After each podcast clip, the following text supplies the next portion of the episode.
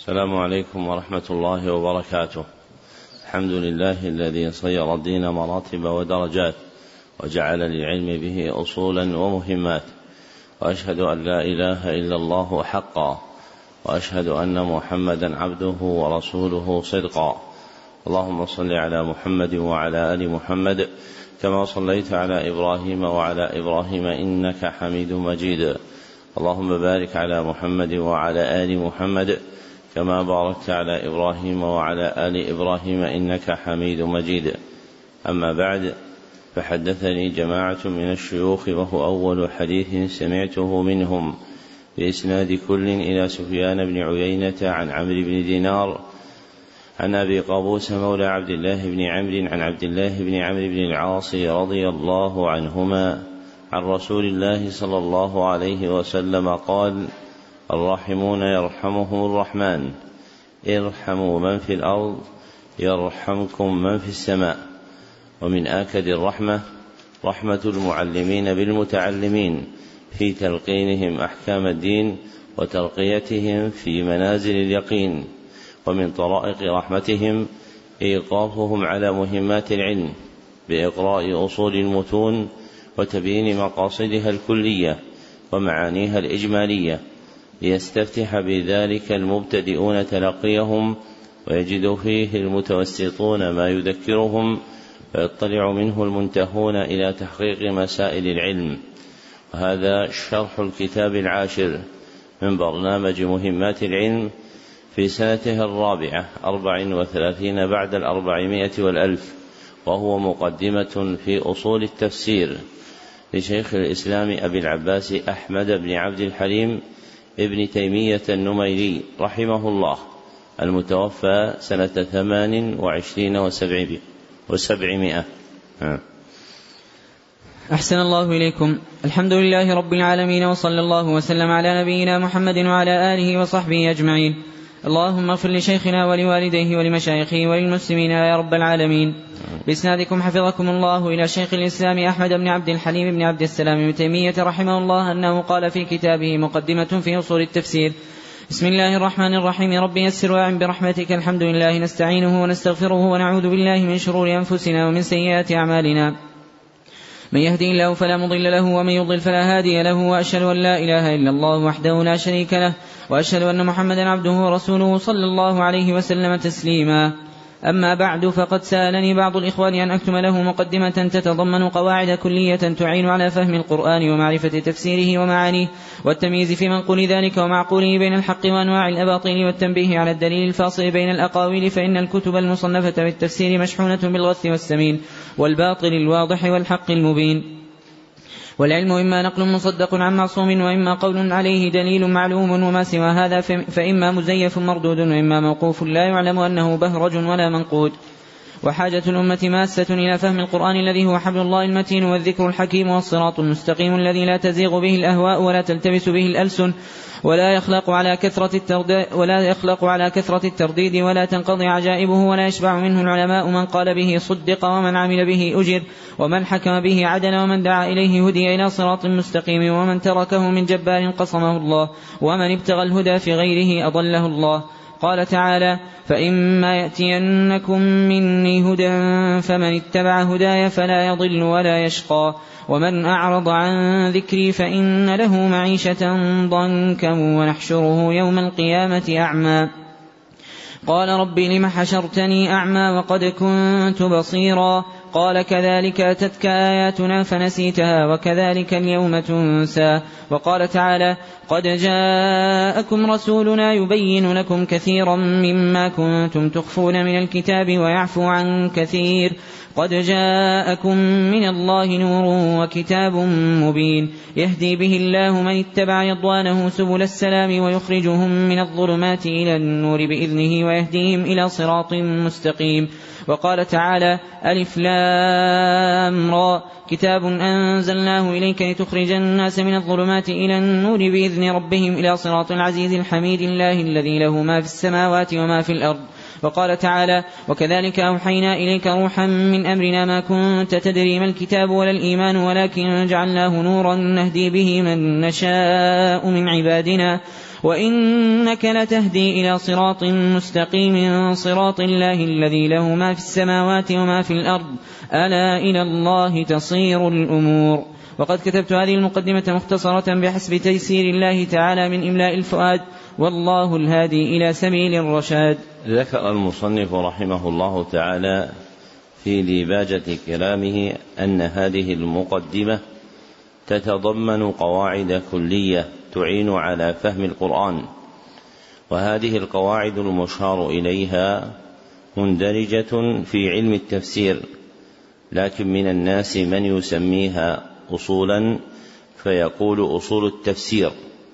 ومنه تسمية هذا الكتاب مقدمة في أصول التفسير فإن هذا الاسم ليس من وضع المصنف وإنما وضعه الناشر الأول للكتاب من علماء آل الشط ثم اشتهر وفشى عند الناس نسبة هذه المقدمة إلى علم أصول التفسير.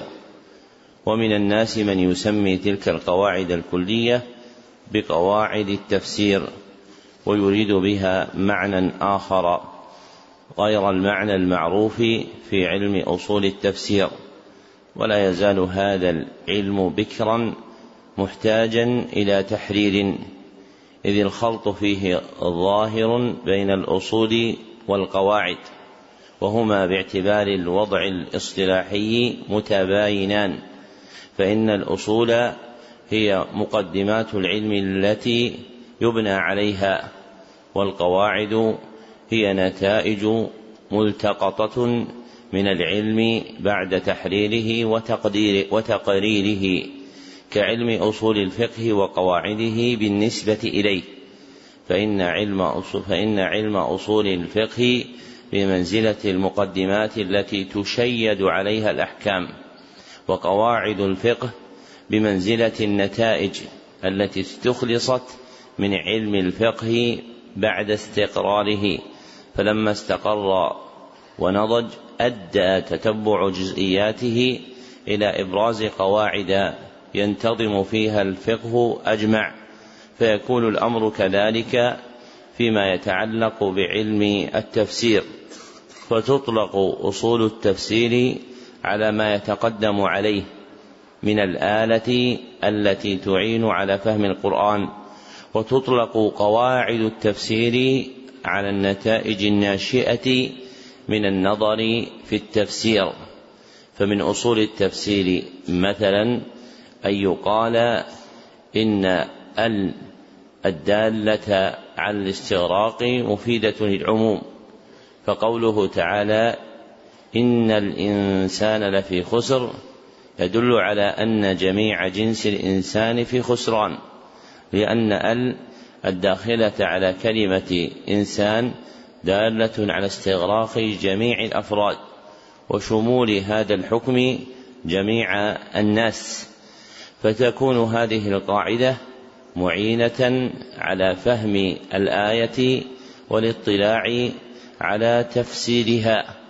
وإذا قلنا مثلا كما صح عن ابن عباس رضي الله عنه فيما رواه الفريابي في تفسيره كل سلطان في القرآن فهو حجة فهذا من قواعد التفسير لا من أصوله فتتبع موارد هذا اللفظ ومواقعه من القرآن أدى إلى الجزم بأن السلطان إذا ذكر فالمراد به الحجة. والمقصود أن تعرف أن بين أصول التفسير وقواعده فرقا وأن اسم القواعد الذي أطلقه المصنف رحمه الله في قوله تتضمن قواعد كلية تعين على فهم القرآن أراد به المعنى اللغوي للقاعدة وهو الأساس ولم يرد به الحقيقة الاصطلاحية في هذا العلم فالكتاب فيه أشياء تتعلق بأصول التفسير وفيه أشياء تتعلق بقواعد التفسير. وعلم التفسير من العلوم المفتقرة إلى بذل جهد في تحريره وإنضاجه فإنه من العلوم التي عدها الزركشي مما لم ينضج ولم يحترق.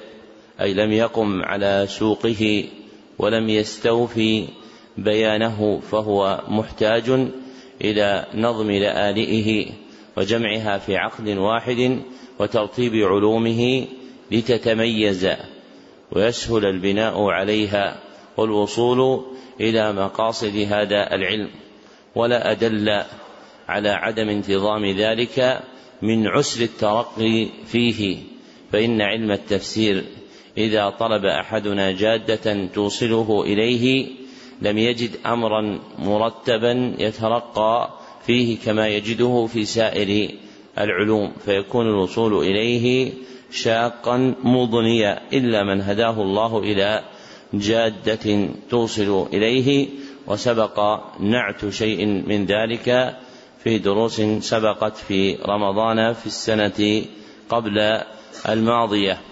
والمقصود أن تعرف أن وضع هذا الكتاب لم يكن مرادا به أصول التفسير خاصة وإنما هي مقدمة تتضمن جملة من أصول التفسير وقواعده المعينة على فهم القرآن الكريم. وقد ذكر المصنف رحمه الله في جملة ما ذكر أن العلم إما نقل مصدق عن معصوم وإما دليل عليه قول معلوم وما سوى هذا فإما مزيف مردود أي باطل مردود على صاحبه لا حقيقة له وإما موقوف لا يعلم أنه بهرج ولا منقود والبهرج على زنة جعفر هو الشيء الرديء فيكون من هذا فيكون من العلم ما يتوقف عن قبوله. لا يعلم أنه رديء فيترك ويطرح ولا يعلم أنه مميز أي جيد يقبل فيصح فيتوقف عن قبوله لعدم إمكان الحكم عليه. ثم ذكر رحمه الله تعالى نعوتا لكتاب الله عز وجل جاءت في حديث علي وسيذكره المصنف فيما يستقبل ومنها قوله لا تزيغ به الأهواء أي لا تميل به الأهواء فلا تخرجه عن حقيقته التي أرادها الله عز وجل به وقوله ولا تلتبس به الألسن أي لا تختلط به الألسن وقوله لا يخلق عن كثرة الترديد أي لا يبلى ولا تذهب جدته كلما ردد بل ترديده يزيده جمالا فوق جمال ويجد فيه العبد من حلاوة المباني وجلالة المعاني كلما كرره ما لم يجده من قبل فمهما نزف العبد منه تلاوة وتفهما وتفسيرا فإنه لا زال يجده عينا فياضة تنبع بالعلوم والمعارف والحقائق الإيمانية فهو معين العلم والإيمان الذي لا ينضب. نعم. أحسن الله إليكم. قال رحمه الله تعالى فصل في أن النبي صلى الله عليه وسلم بين لأصحابه معاني القرآن.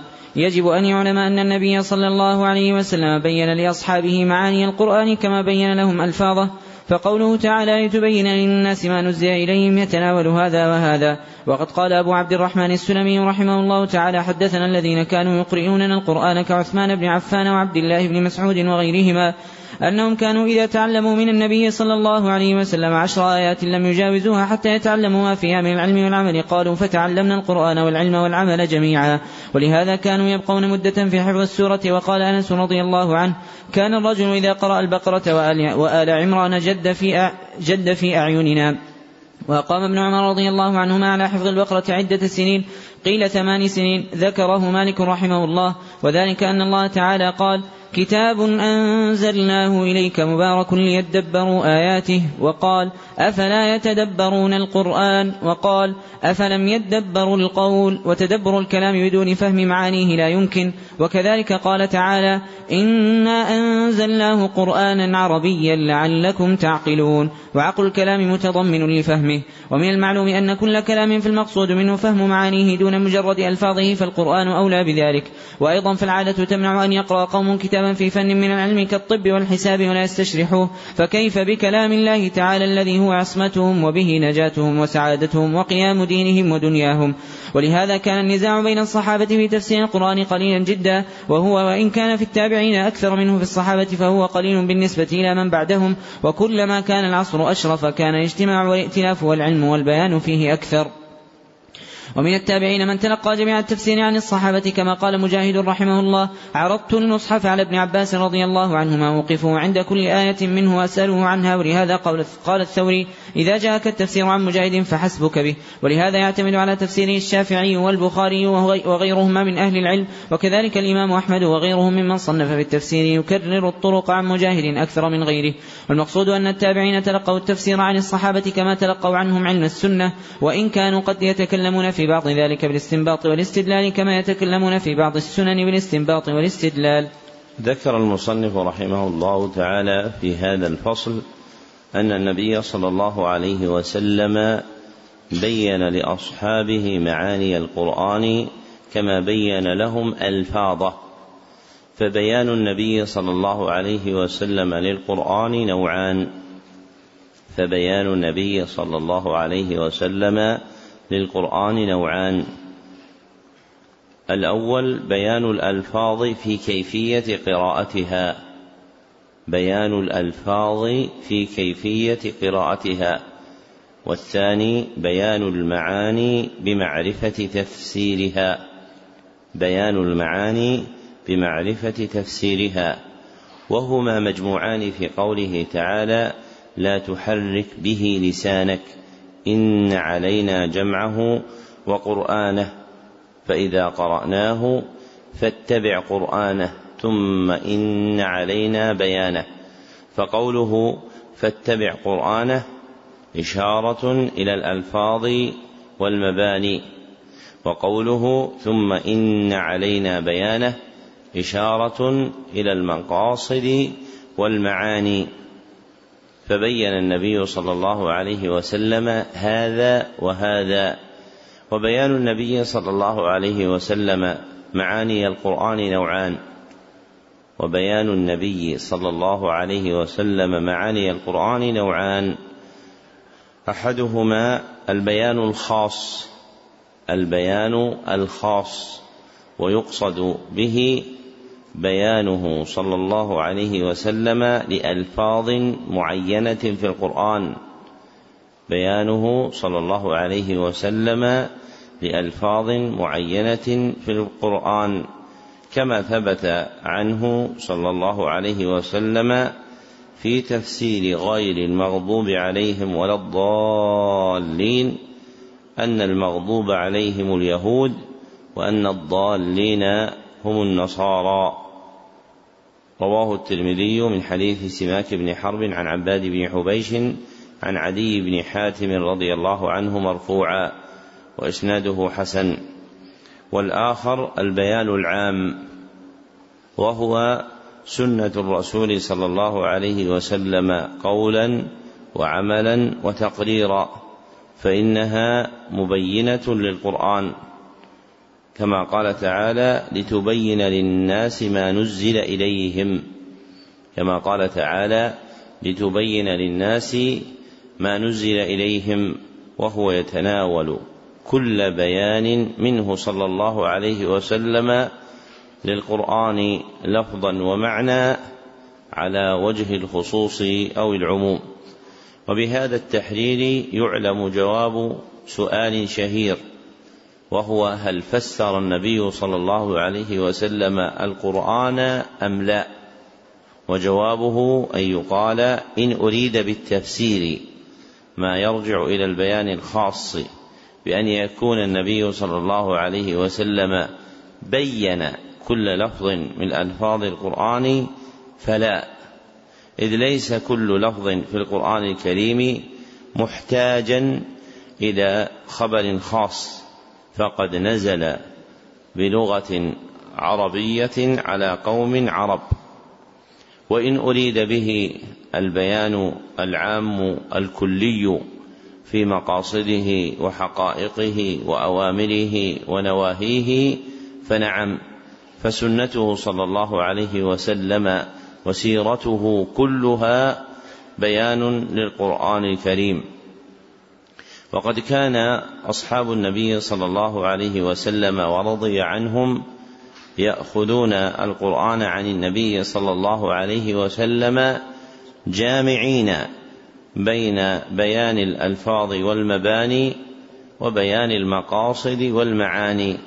كما قال أبو عبد الرحمن السلمي رحمه الله أحد التابعين حدثنا الذين كانوا يقرؤوننا القرآن من أصحاب النبي صلى الله عليه وسلم أنهم كانوا يقترئون من رسول الله صلى الله عليه وسلم عشر آيات.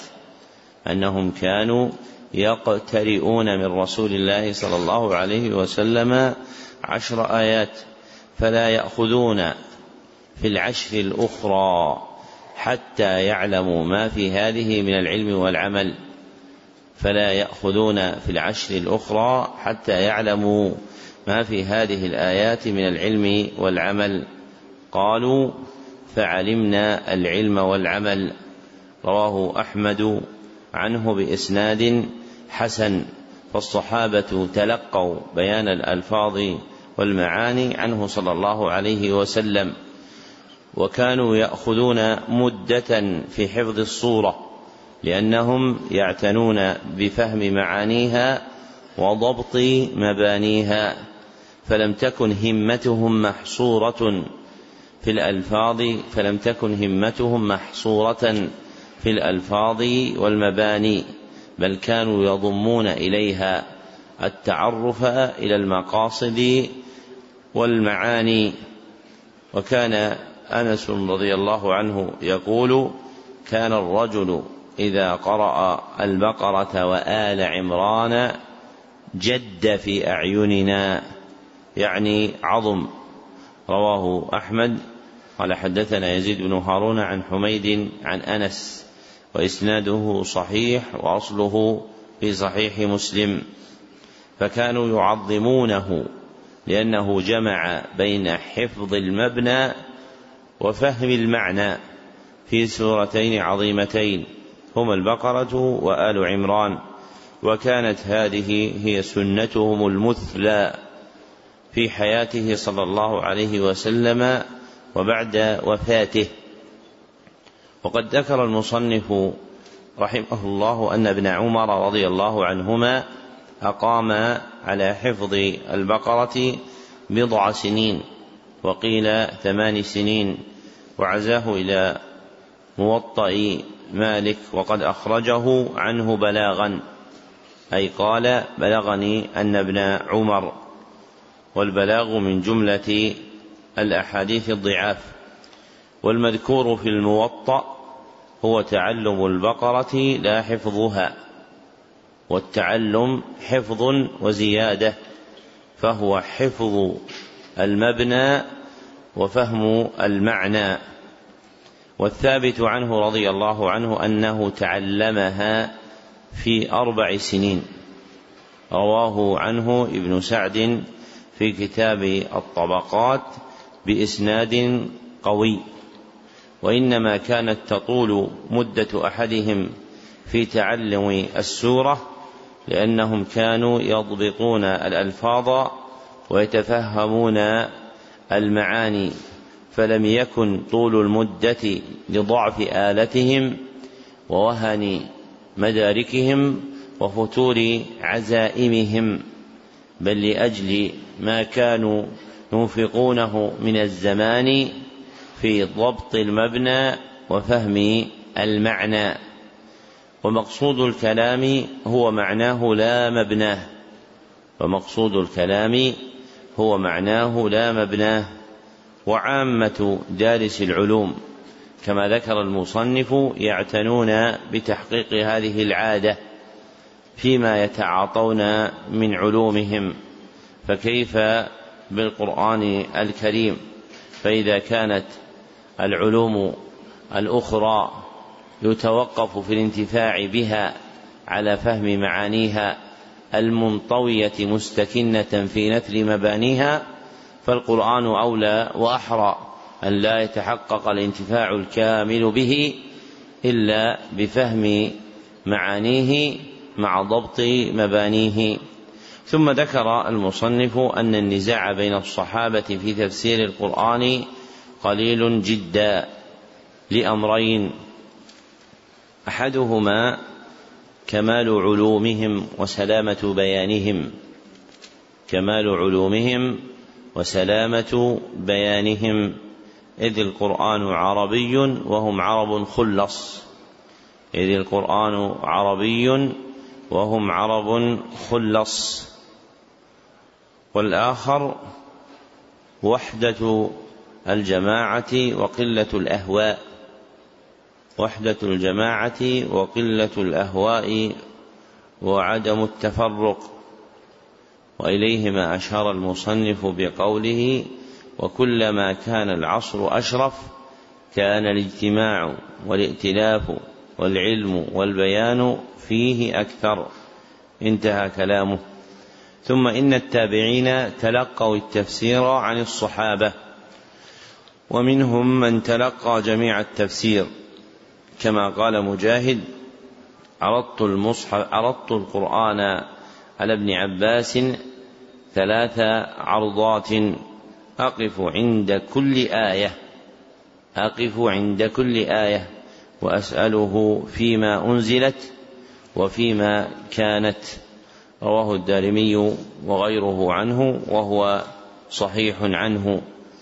وروي عن مجاهد أنه عرضه ثلاثين مرة وفي هذه الرواية ضعف والمحفوظ عنه أنه عرضه على ابن عباس للغاية المذكورة ثلاث عرضات. ومثله قول أبي الجوزاء الربعي أحد التابعين قال جاورت ابن عباس في داره. اثنتي عشرة سنة ما في القرآن آية إلا وقد سألته عنها. جاورت ابن عباس في داره. اثنتي عشرة سنة ما في القرآن آية إلا سألته عنها. رواه ابن سعد بإسناد جيد عنه. والمقصود أن التابعين تلقوا التفسير عن الصحابة رضي الله عنهم. كما تلقوا عنهم علم السنة وإن كانوا قد يتكلمون في بعض ذلك بالاستدلال والاستنباط كما كانوا يتكلمون في السنة بالاستنباط والاستدلال لأنه حدثت في زمانهم مقالات وتجددت أحوال أعوزتهم إلى الاستنباط والاستدلال في القرآن والسنة فصدر عنهم من الزيادة على ما تكلم به من على ما تكلم به الصحابة ما هو منقول في كتب التفسير. فالزائدة فالزيادة الواقعة في كلام التابعين في بيان القرآن أصولها الكلية متلقاة عن الصحابة لكن تفاصيل جملها مما جرى منهم فيه الاستنباط والاستدلال للحاجة الداعية إلى ذلك القاضية به فيما تجدد من الوقائع والأحوال في زمانهم مما لم يكن في عهد الصحابة رضي الله عنهم. نعم. أحسن الله إليكم. قال رحمه الله فصل في اختلاف السلف في التفسير وأنه اختلاف التنوع. والخلاف بين السلف في التفسير قليل وخلافهم في الأحكام أكثر من خلافهم في التفسير وغالب ما يصح عنهم من الخلاف يرجع إلى اختلاف تنوع لا اختلاف تضاد. وذلك صنفان. أحدهما أن يعبر كل واحد منهم عن المراد بعبارة غير عبارة صاحبه تدل على معنى في المسمى غير المعنى الآخر مع اتحاد المسمى بمنزلة الأسماء المتكافئة التي بين المترادفة والمتباينة كما قيل في اسم السيف الصارم والمهند وذلك مثل أسماء الله الحسنى وأسماء رسول الله صلى الله عليه وسلم وأسماء القرآن فإن أسماء الله كلها تدل على مسمى واحد. فليس دعاؤه باسم من أسمائه الحسنى مضادا لدعاء باسمه مضادا لدعائه باسم آخر. بل إن الأمر كما قال تعالى قل ادعوا الله أو ادعوا الرحمن أيما تدعوا فله الأسماء الحسنى وكل اسم من أسمائه يدل على الذات المسماة وعلى الصفة التي تضمنها الاسم. كالعليم يدل على الذات والعلم والقدير يدل على الذات والقدرة والرحيم يدل على الذات والرحمة ومن أنكر دلالة أسمائه على صفاته ممن يدعي الظاهر فقوله من جنس قول غلاة الباطنية القرامطة الذين يقولون لا يقال هو حي ولا ليس بحي بل ينفون عنه النقيضين فإن أولئك القرامطة الباطنية لا ينكرون اسما هو علم محض كالمضمرات وإنما ينكرون ما في أسمائه الحسنى من صفات الإثبات فمن وافقهم على مقصودهم كان مع دعواه الغلو في الظاهر موافقا لغلاة الباطنية في ذلك وليس هذا موضع بسط ذلك وإنما المقصود أن كل اسم من أسمائه يدل على ذاته وعلى ما في الاسم من صفاته ويدل أيضا على الصفة التي في الاسم الآخر بطريق اللزوم. وكذلك أسماء النبي صلى الله عليه وسلم مثل محمد وأحمد والماحي والحاشر والعاقب. وكذلك أسماء القرآن مثل القرآن والفرقان والهدى والشفاء والبيان والكتاب وأمثال ذلك. فإذا كان مقصود السائل تعيين المسمى عبرنا عنه بأي اسم كان إذا عرف مسمى, إذا عرف مسمى هذا الاسم. وقد يكون اسم علما وقد يكون صفة. كمن يسأل عن قوله تعالى ومن أعرض عن ذكري ما ذكره فيقال له هو القرآن مثلا أو ما أنزله من الكتب فإن الذكر مصدر. والمصدر تارة يضاف إلى الفاعل وتارة إلى المفعول. فإذا, قال فإذا قيل ذكر الله بالمعنى الثاني كان ما يذكر به مثل قول العبد سبحان الله والحمد لله ولا إله إلا الله والله أكبر. وإذا قيل بالمعنى الأول كان ما يذكره هو وهو كلامه وهذا هو المراد في قوله ومن أعرض عن ذكري لأنه قال قبل ذلك فإما يأتينكم مني هدى فمن اتبع هداي فلا يضل ولا يشقى. وهداه هو ما أنزله من الذكر وقال بعد ذلك قال رب لم حشرتني أعمى وقد كنت بصيرا. قال كذلك أتتك آياتنا فنسيتها. والمقصود أن يعرف أن الذكر هو كلامه المنزل. أو هو ذكر العبد له فسواء قيل ذكري كتابي أو كلامي أو هداي أو نحو ذلك فإن المسمى واحد. وإن كان مقصود السائل معرفة ما في الاسم من الصفة المختصة به فلا بد من قدر زائد على تعيين المسمى مثل أن يسأل عن القدوس السلام المؤمن. وقد علم أنه الله لكن مراده ما معنى كونه قدوسا سلاما مؤمنا ونحو ذلك. إذا عرف هذا فالسلف كثيرا ما يعبرون عن المسمى بعبارة تدل على عينه وإن كان فيها من الصفة ما ليس في الاسم الآخر كمن يقول أحمد هو الحاشر والماحي والعاقب والقدوس هو الغفور الرحيم. أي أن المسمى واحد لا أن هذه الصفة هي هذه الصفة ومعلوم أن هذا ليس اختلاف تضاد كما يظنه بعض الناس. مثال ذلك تفسيرهم للصراط المستقيم فقال بعضهم هو القرآن أي اتباعه؟ لقول النبي صلى الله عليه وسلم في حديث علي الذي رواه الترمذي ورواه أبو نعيم من طرق متعددة هو حبل الله المتين والذكر الحكيم وهو الصراط المستقيم. وقال بعضهم هو الإسلام لقوله صلى الله عليه وسلم في حديث النواس بن سمعان الذي رواه الترمذي وغيره ضرب الله مثلا صراطا مستقيما وعلى جنبتي الصراط سوران وفي السورين أبواب مفتحة وعلى الأبواب ستور مرخاة وداع يدعو من فوق الصراط وداع يدعو على رأس الصراط. قال فالصراط المستقيم هو الإسلام والسوران حدود الله والأبواب المفتحة محارم الله والداعي على رأس الصراط كتاب الله والداعي فوق الصراط واعظ الله في قلب كل مؤمن.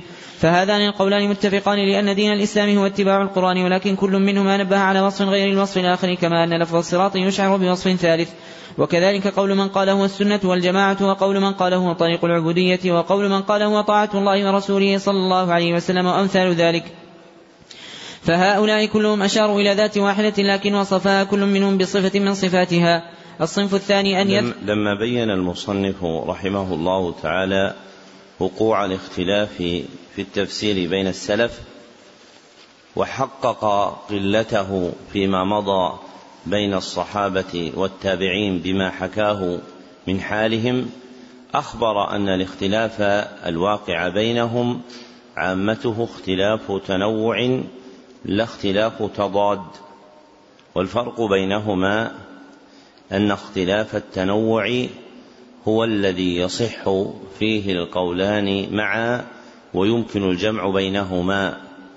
هو الذي يصح فيه القولان معا ويمكن الجمع بينهما. وأما اختلاف التضاد فهو الذي لا يصح فيه القولان معا ولا يمكن الجمع بينهما. وأما اختلاف التضاد فهو الذي لا يصح فيه القولان معا ويمتنع الجمع بينهما. واختلاف التنوع صنفان. أحدهما أن يعبر عن المعنى الواحد بألفاظ متعددة. أن يعبر عن المعنى الواحد بألفاظ متعددة. فيعبر كل واحد منهم بعبارة غير عبارة صاحبه. فيعبر كل واحد منهم بعبارة غير عبارة صاحبه. تدل على معنى في المسمى تدل على معنى في المسمى غير المعنى الآخر مع اتحاد المسمى. وقد وصفه المصنف بقوله بمنزلة الأسماء المتكافئة التي بين المترادفة والمتباينة. والمراد بالمتكافئة ما اتحدت فيها الذات واختلفت فيها الصفات المخبر بها عنها ما اتحدت فيها الذات واختلفت فيها الصفات المخبر بها عنها. وأسماء الله الحسنى تندرج في هذا الباب وكذلك أسماء الرسول صلى الله عليه وسلم وأسماء القرآن كلها من هذا الجنس فهي ترجع إلى ذات واحدة. وفي كل اسم من الأسماء معنى ليس في الاسم الآخر. وهذا الصنف ثلاثة أقسام تلتقط من كلام المصنف. وهذا الصنف ثلاثة أقسام تلتقط من كلام المصنف. أولها تفسير الكلمة بالمعنى المراد بها مما وضعت له لغة أو شرعا. تفسير الكلمة بالمعنى المراد بها مما وضعت له لغة أو شرعا. وثانيها تفسير الكلمة بالمعنى الذي تضمنته تفسير الكلمة بالمعنى الذي تضمنته وثالثها تفسير الكلمة بمعنى من المعاني الثابتة فيها بطريق اللزوم. تفسير الكلمة بمعنى من المعاني الثابتة فيها بطريق اللزوم. مثاله تفسيرهم للصراط المستقيم. فمن قال هو الإسلام فهذا تفسير للكلمة بالمعنى المراد منها الذي وضعت له شرعا لحديث النواس. الذي ذكره المصنف رحمه الله وفيه قوله صلى الله عليه وسلم فالصراط هو الإسلام رواه أحمد في مسنده من حديث معاوية بن صالح عن عبد الرحمن بن جبير عن أبيه عن النواس رضي الله عنه وإسناده حسن وأصله عند الترمذي وابن ماجه لكن بسند فيه ضعف. ومن قال هو طريق العبودية فهذا تفسير للكلمة بالمعنى الذي تضمنته فإن الإسلام يتضمن العبودية لله عز وجل يتضمن العبادة العبودية لله عز وجل. ومن قال هو القرآن فهذا تفسير للكلمة بمعنى من المعاني الثابتة لها بطريق اللزوم فإن الإسلام له كتاب أنزل على رسوله يدل عليه ويبينه وهو القرآن الكريم. وفي تقرير ذلك حديث علي الذي ذكره المصنف رحمه الله وهو عند الترمذي وإسناده ضعيف. لأنه من رواية الحارث بن عبد الله الأعور عن علي والحارث أحد الضعفاء. نعم. أحسن الله إليكم. قال رحمه الله تعالى الصنف الثاني أن يذكر كل منهم من الاسم العام بعض أنواعه على سبيل التمثيل وتنبيه المستمع على النوع لا على سبيل الحد المطابق للمحدود في عمومه وخصوصه مثل سائل أعجمي سأل عن مسمى لفظ الخبز. فأري رغيفا وقيل هذا فالإشارة إلى نوع هذا لا إلى هذا الرغيف وحده.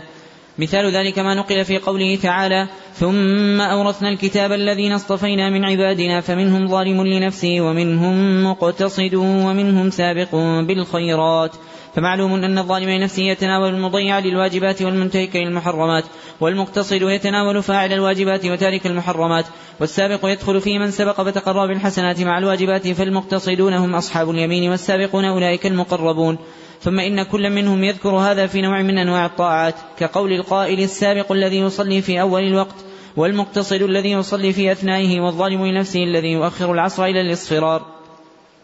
أو يقول السابق والمقتصد قد ذكرهم في آخر سورة البقرة فإنه ذكر المحسن بالصدقة والظالم بأكل الربا والعادل بالبيع والناس في الأموال إما محسن وإما عادل وإما ظالم فالسابق المحسن بأداء المستحبات مع الواجبات والظالم آكل الربا أو مانع الزكاة والمقتصد الذي يؤدي الزكاة المفروضة ولا يأكل الربا وأمثال هذه الأقاويل.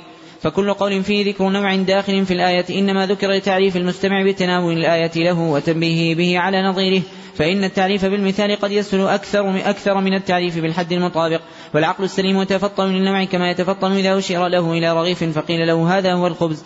وقد يجيء كثيرا من هذا الباب قولهم هذه الآية نزلت في في كذا لا سيما إن كان المذكور شخصا كأسباب النزول المذكورة في التفسير.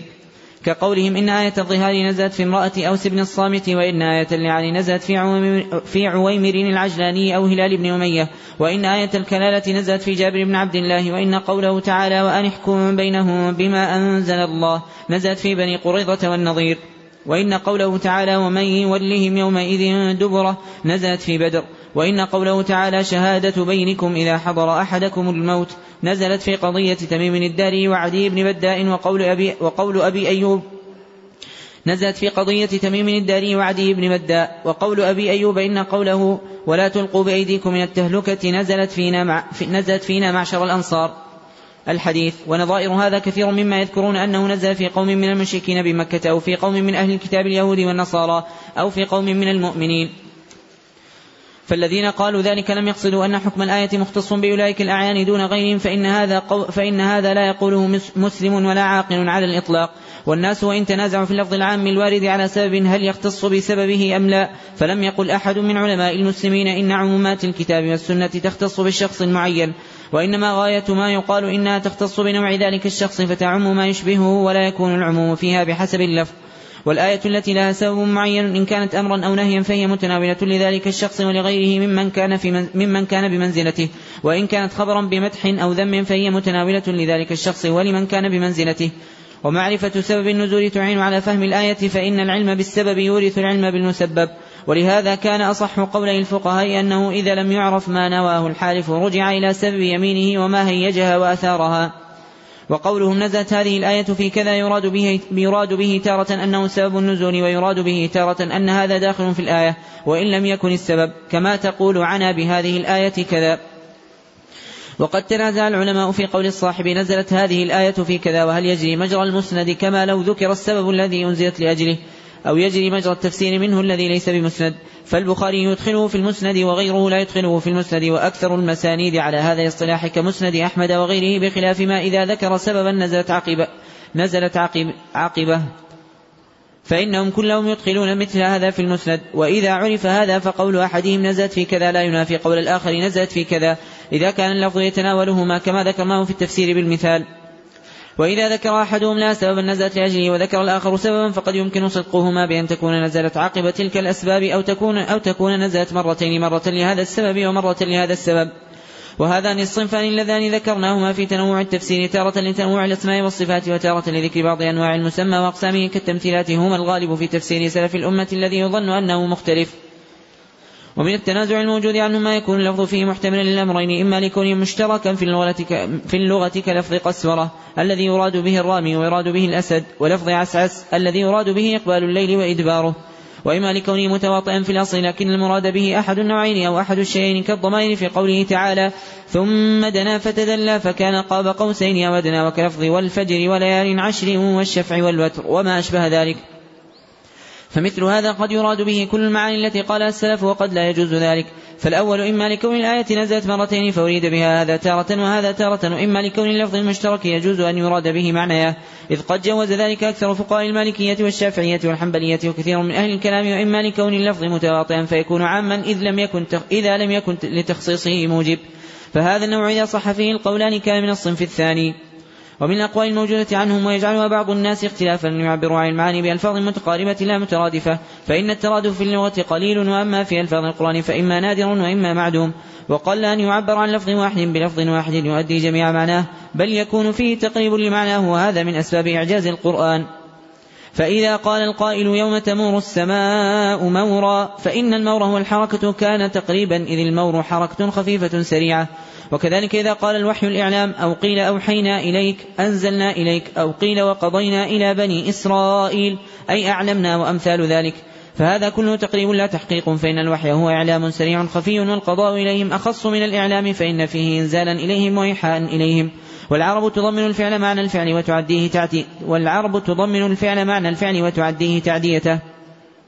ومن هنا غلط من جعل بعض الحروف تقوم مقام بعض كما يقولون في قوله تعالى لقد ظلمك لقد ظلمك بسؤال نعجتك إلى نعاجه أي مع أي مع نعاجه؟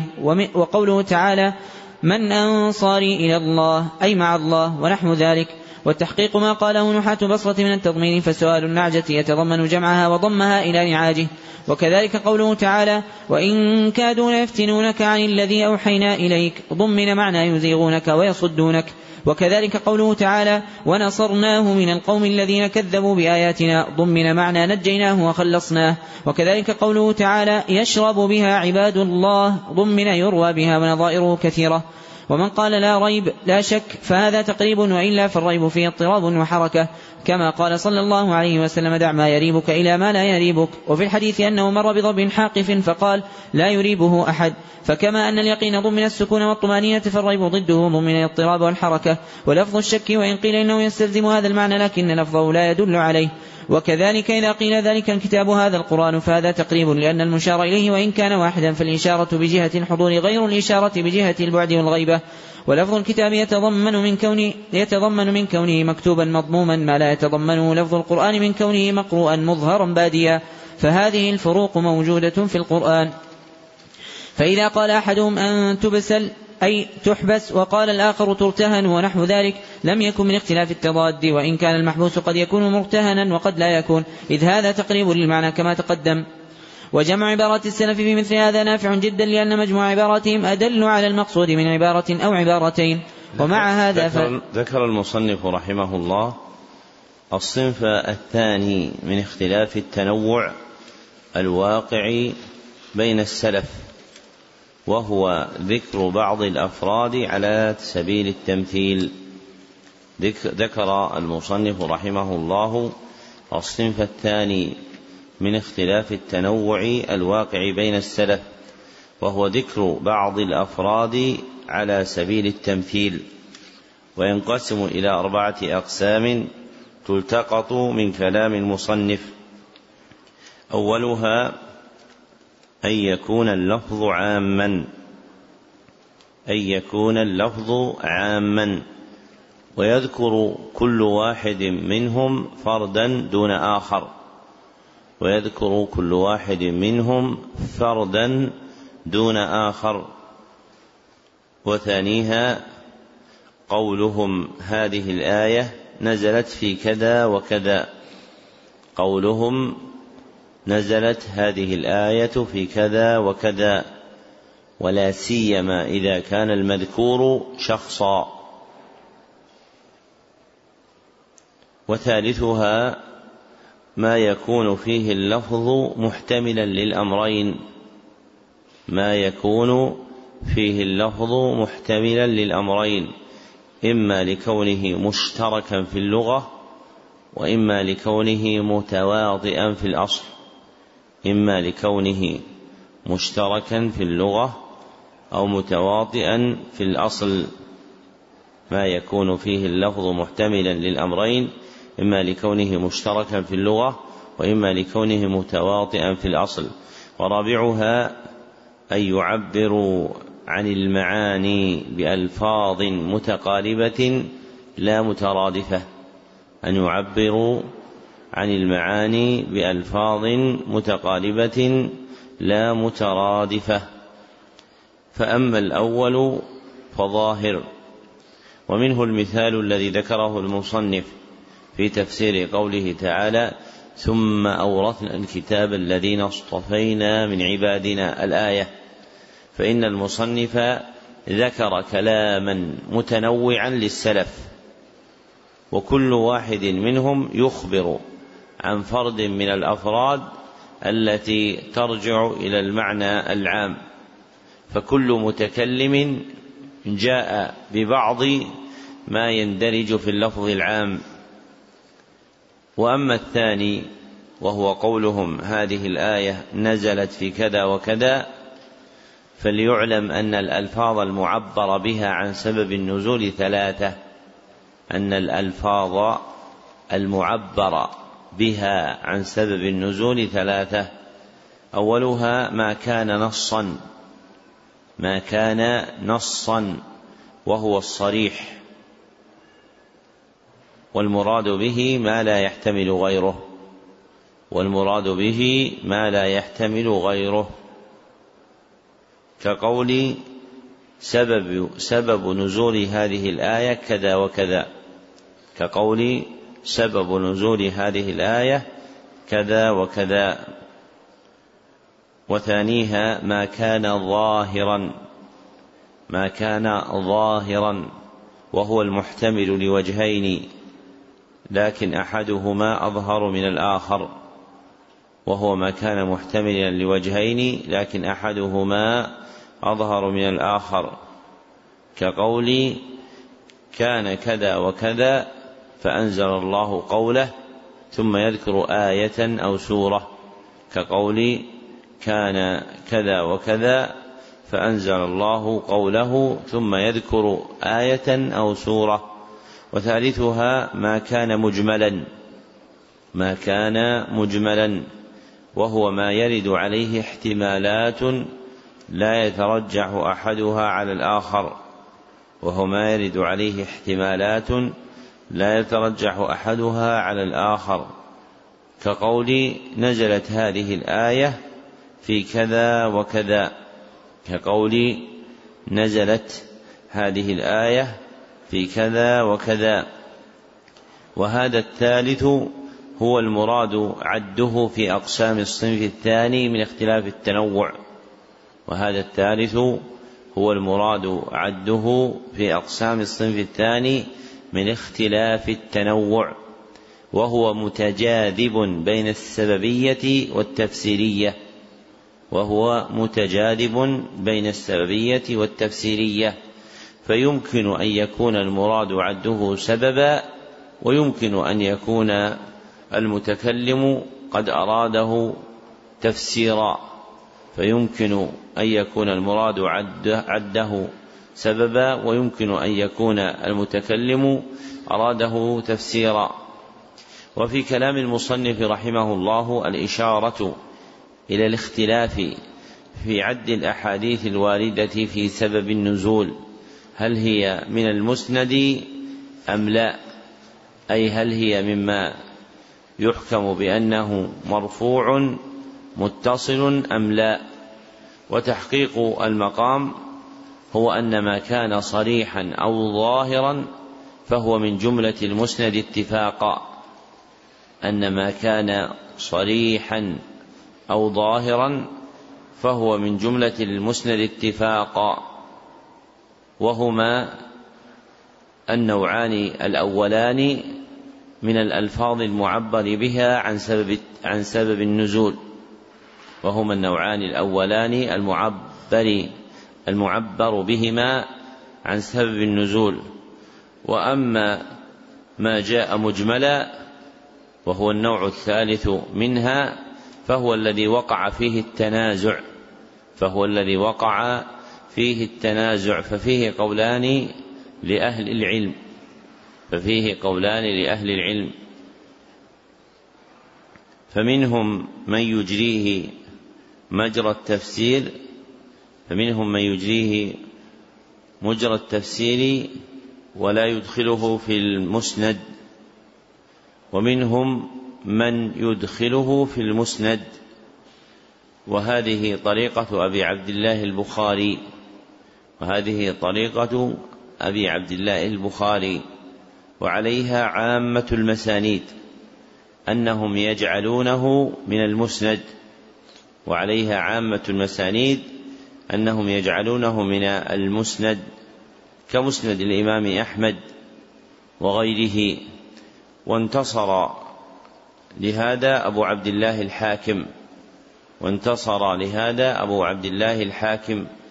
فرأى أنه من المسند قطعا وذهب ابن القيم مذهبا أوسع فرأى أن هذا من المسند قطعا بل الأصل عنده في تفسير الصحابة أنه مما أخذوه عن النبي صلى الله عليه وسلم ذكره في إعلام الموقعين وبين بما يناسب المقام في الإملاء النظير على شرح مقدمة التفسير للعلامة ابن عثيمين رحمه الله تعالى.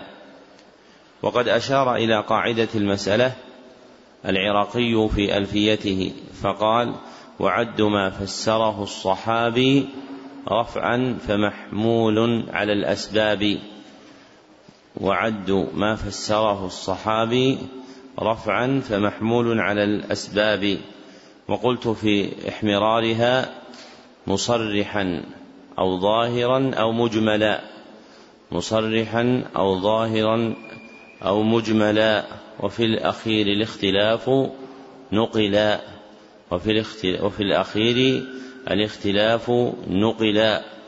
فزبدة القول أن ما كان من الألفاظ المعبر بها في القسم الأول والثاني فهو من المسند اتفاقا وما كان من الثالث وهو ما وقع فيه الإجمال ففيه مذهبان متناظران وطريقة كثير من الحفاظ كالبخاري وأحمد بن حنبل أنه من جملة المسند أيضا. وأما القسم الثالث وهو ما يكون فيه اللفظ محتملا لأمرين إما لكونه مشتركا في اللغة أو متواطئا في الأصل فالمراد بالمشترك ما اتحد لفظه وتعدد معناه فالمراد بالمشترك ما اتحد لفظه وتعدد معناه كالعين يراد بها الآلة الباصرة. والذات والنقد من الذهب والفضة ونبع الماء فكل هؤلاء يسمى عينا. فاللفظ متحد والمعنى متعدد وهذه هي حقيقة المشترك اللغوي. وأما المتواطئ فهو اللفظ الدال على معنى كلي في أفراده. هو اللفظ الدال على معنى كلي في أفراده على قدر متوافق بينهم على قدر متوافق بينهم. ككلمة إنسان فإن هذه الكلمة تطلق على أفراد متعددين كزيد وعمر. ومعنى الإنسانية معنى كلي موجود في كل فرد من تلك الأفراد على حد متوافق بينها جميعا. فما كان من المشترك وصح حمله على معانيه جاز أن تفسر الآية بهذه المعاني كلها. فما كان من المشترك وجاز حمله وصح حمله على معانيه جاز أن تفسر الآية بهذه المعاني كلها. وأما اللفظ المتواطئ فإنه يبقى على عمومه ما لم يخصصه موجب.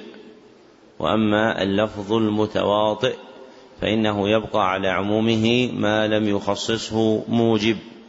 وأما القسم الرابع وهو أن يعبروا عن الألفاظ بمعان متقاربة لا مترادفة فإن الترادف في اللغة قليل وهو في كلمات القرآن إما نادر أو معدوم كما قال المصنف.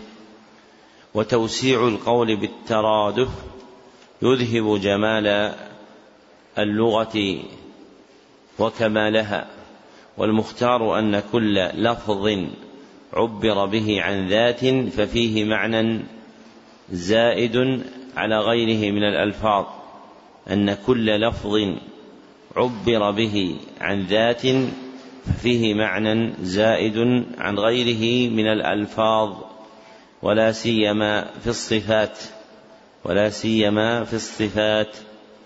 فمثلا إذا قيل في وصف السيف هو مهند صارم حسام فهذه الألفاظ تشترك في الدلالة على ذات واحدة فهذه الألفاظ تشترك في الدلالة على ذات واحدة هي آلة السيف المعروفة وتفترق في المعاني المستكنة فيها وتفترق في المعاني المستكنة فيها فالاسم الأول المهند دال على نسبته إلى بلاد الهند.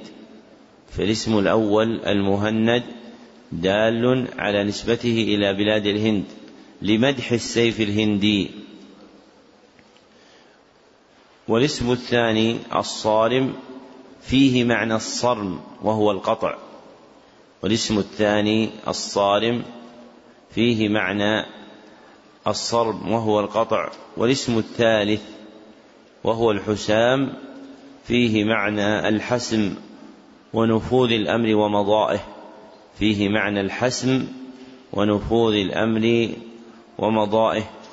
ومن هنا غلط من غلط كما ذكر المصنف رحمه الله ممن تكلم في معاني القرآن فجعل بعض الحروف تقوم مقام بعض لأنه أعمل فيها الترادف وجعل كل حرف بمنزلة غيره في المعاني. والتحقيق هو مذهب البصريين الذين يذكرون التضمين.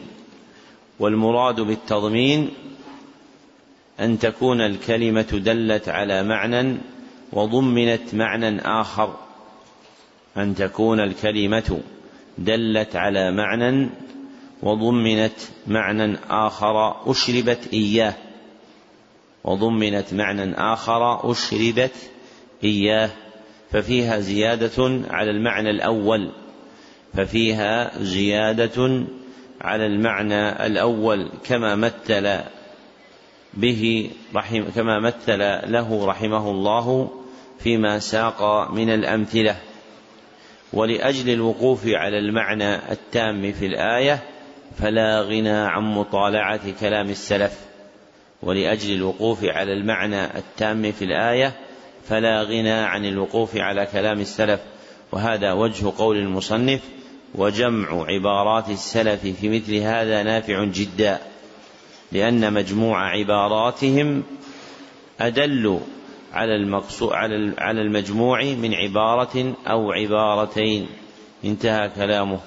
فمنشأ العناية بجمع كلام السلف هو ما وقع بينهم من الاختلاف الراجع إلى اختلاف التنوع على الوجه الذي ذكرناه مما يرجع إلى الصنفين المتقدمين والوفاء باستخراج معاني الآية تامة يكون بتحري النظر في المنقول عن السلف رحمهم الله تعالى فجمع كلام السلف على آية في صعيد واحد يلم, يلم شتات معانيها ويستكمل استجلاء تفسيرها فيقف الناظر على كلامهم من جماع المعنى وتمامه ما لا يكون لغيره ممن يقف على قول أو قولين فجمع كلام السلف في التفسير من المطالب العالية. وكان لأبي العباس ابن تيمية رحمه الله تعالى عناية بالغة في هذا وقد جمع رحمه الله تعالى التفسير المجرد من كلام السلف فصنف كتابا جامعا في التفسير لم يذكر فيه إلا كلام السلف على الآيات وكان هذا في بواكير أمره وهو الذي غرس فيه رحمه الله تعالى الفهم الثاقب في القرآن الكريم. ذكر هذا في موضع من فتاويه إلا أن هذا التفسير المجرد الجامع الذي صنفه المصنف رحمه الله مما لم يوجد بعد وينتفع بكتاب الدر المنثور في سد هذه الخلة فإنه جمع كثيرا من كلام السلف وإن كان لم يكمل ذلك وكأن حال أبي العباس في العناية بكتب التفسير أبلغ منه. فإن أبا العباس ذكر في موضع من كلامه أنه لا يتكلم في الآية الواحدة حتى يطالع أكثر من مئة تفسير. وكانت تفاسير السلف في ذلك الزمان موجودة وافرة كما سيذكر رحمه الله في موضع مستقبل من هذه المقدمة أسماء جملة منها لم يبقى لنا اليوم منها إلا ذكرها كتفسير بقي بن مخلد الذي هو أوسع التفاسير كما قال ابن حزم رحمه الله تعالى. نعم. أحسن الله إليكم. قال رحمه الله ومع هذا فلا بد من اختلاف محقق بينهم كما يوجد مثل ذلك في الأحكام ونحن نعلم أن عامة ما يضطر إليه عموم الناس من اختلاف معلوم بل متواتر عند العامة أو الخاصة كما في عدد الصلوات ومقادير ركوعها ومواقيتها وفرائض الزكاة ونصبها وتعيين شهر رمضان والطواف والوقوف ورمي الجمار والمواقيت وغير ذلك. ثم إن اختلاف الصحة ثم إن اختلاف الصحابة في الجد والإخوة في المشركة ونحو ذلك لا يوجب ريبا في جمهور مسائل الفرائض بل مما يحتاج إليه عامة الناس وهو عمود النسب من الآباء والأبناء والكلالة من الإخوة والأخوات ومن نسائهم كالأزواج. فإن الله أنزل في الفرائض ثلاث آيات منفصلة ذكر في الأولى الأصول والفروع وذكر في الثانية الحاشية التي ترث بالفرض كالزوجين وولد الأم وفي الثالثة الحاشية الوارثة بالتعصيب وهم الإخوة لأبوين أو لأب. واجتماع الجد والإخوة نادر ولهذا لم يقع في الإسلام إلا بعد موت النبي صلى الله عليه وسلم. والاختلاف قد يكون لخفاء الدليل والذهول عنه وقد يكون لعدم سماعه وقد يكون للغلط في فهم النص وقد يكون لاعتقاد معارض راجح المقصود هنا التعريف بمجمل الأمر دون تفاصيله. لما حقق المصنف رحمه الله فيما سلف وجود اختلاف التنوع بين السلف في التفسير ذكر أن الاختلاف الذي وقع بينهم على وجه التضاد محقق أيضا كما يوجد في الأحكام فالسلف قد اختلفوا في التفسير اختلاف تنوع وهذا هو الأكثر واختلفوا فيه اختلاف تضاد أيضا وهذا قليل وهذا الاختلاف نظير اختلافهم في الأحكام فإنهم قد اختلفوا في باب الأحكام اختلاف تضاد فمنهم من يرى في الأحكام شيئا على وجه الجواز ويقابله غيره فيراه أنه على وجه الحرمة. ثم نبه المصنف في آخر كلامه إلى منشأ الاختلاف فقال والاختلاف قد يكون من خفاء الدليل والذهول عنه وقد يكون لعدم سماعه وقد يكون للغلط في فهم النص وقد يكون لاعتقاد معارض راجح انتهى كلامه. وهذا طرف مما يتصل بمعرفة أسباب الاختلاف الواقعة قدرا مما أوجب اختلاف العلماء في أقوالهم. فإنهم رحمهم الله تعالى اختلفوا لا طلبة منهم للاختلاف. فإن كل واحد منهم لا يقول قولا يريد أن يجري منه مجرى ما يخالف الدليل وإنما قاله بحسب ما انتهى إليه ويكون له عذر حال بينه وبين موافقة دليل إما لذهوله عنه أو عدم بلوغه له أو للغلط في فهمه أو قيام معارض معتد به عنده أو غير ذلك من الأسباب. وللمصنف رحمه الله تعالى رسالة نافعة اسمها رفع الملام. عن الأئمة الأعلام بسط فيها العبارة فيما يتعلق بهذا المقام في الإرشاد إلى الأسباب التي أوجبت اختلاف العلماء رحمهم الله تعالى وأنهم ما اختلفوا تشهيا أو تلهيا وإنما احتف بأحوالهم ما أوجب اختلافهم. نعم. أحسن الله إليكم. قال رحمه الله تعالى فصل في نوعي الاختلاف بالتفسير المستند إلى النقل وإلى طريق الاستدلال. الاختلاف في التفسير على نوعين منهما مستنده النقل فقط ومنهما يعلم بغير ذلك إذ العلم إما نقل مصدق وإما استدلال محقق والمنقول إما عن المعصوم وإما عن غير المعصوم والمقصود بأن جنس المنقول سواء كان عن المعصوم أو غير المعصوم وهذا هو النوع الأول. فمنه ما يمكن معرفة الصحيح منه والضعيف ومنه ما لا يمكن معرفة ذلك فيه. وهذا القسم الثاني من المنقول وهو ما لا طريق لنا إلى الجزم والصدق منه عام وهذا هو وهذا القسم الثاني من المنقول وهو ما لا طريق لنا إلى الجزم بالصدق منه عامته مما لا فائدة فيه. والكلام فيه من فضول الكلام وأما ما يحتاج المسلمون إلى معرفته فإن الله تعالى نصب على الحق فيه دليلا. فمثال ما لا يفيد ولا دليل على الصحيح منه اختلافهم في لون كلب أصحاب الكهف وفي البعض الذي ضرب به قتيل موسى من البقرة وفي مقدار سفينة نوح وما كان خشبها وفي اسم الغلام الذي قتله الخضر ونحو ذلك. فهذه الأمور طريق العلم بها النقل فما كان من هذا منقولا نقلا صحيحا عن النبي صلى الله عليه وسلم كسر صاحب موسى أنه الخضر فهذا معلوم. وما لم يكن كذلك بل كان مما يؤخذ عن أهل الكتاب كالمنقول عن كعب ووهب ومحمد بن إسحاق وغيرهم ممن يأخذ عن أهل الكتاب فهذا لا يجوز تصديقه ولا تكذيبه إلا بحجة. كما ثبت في الصحيح عن النبي صلى الله عليه وسلم أنه قال إذا حدثكم أهل الكتاب فلا تصدقوهم ولا تكذبوهم فإما أن يحدثوكم بحق فتكذبوه وإما أن يحدثوكم بباطل فتصدقوه.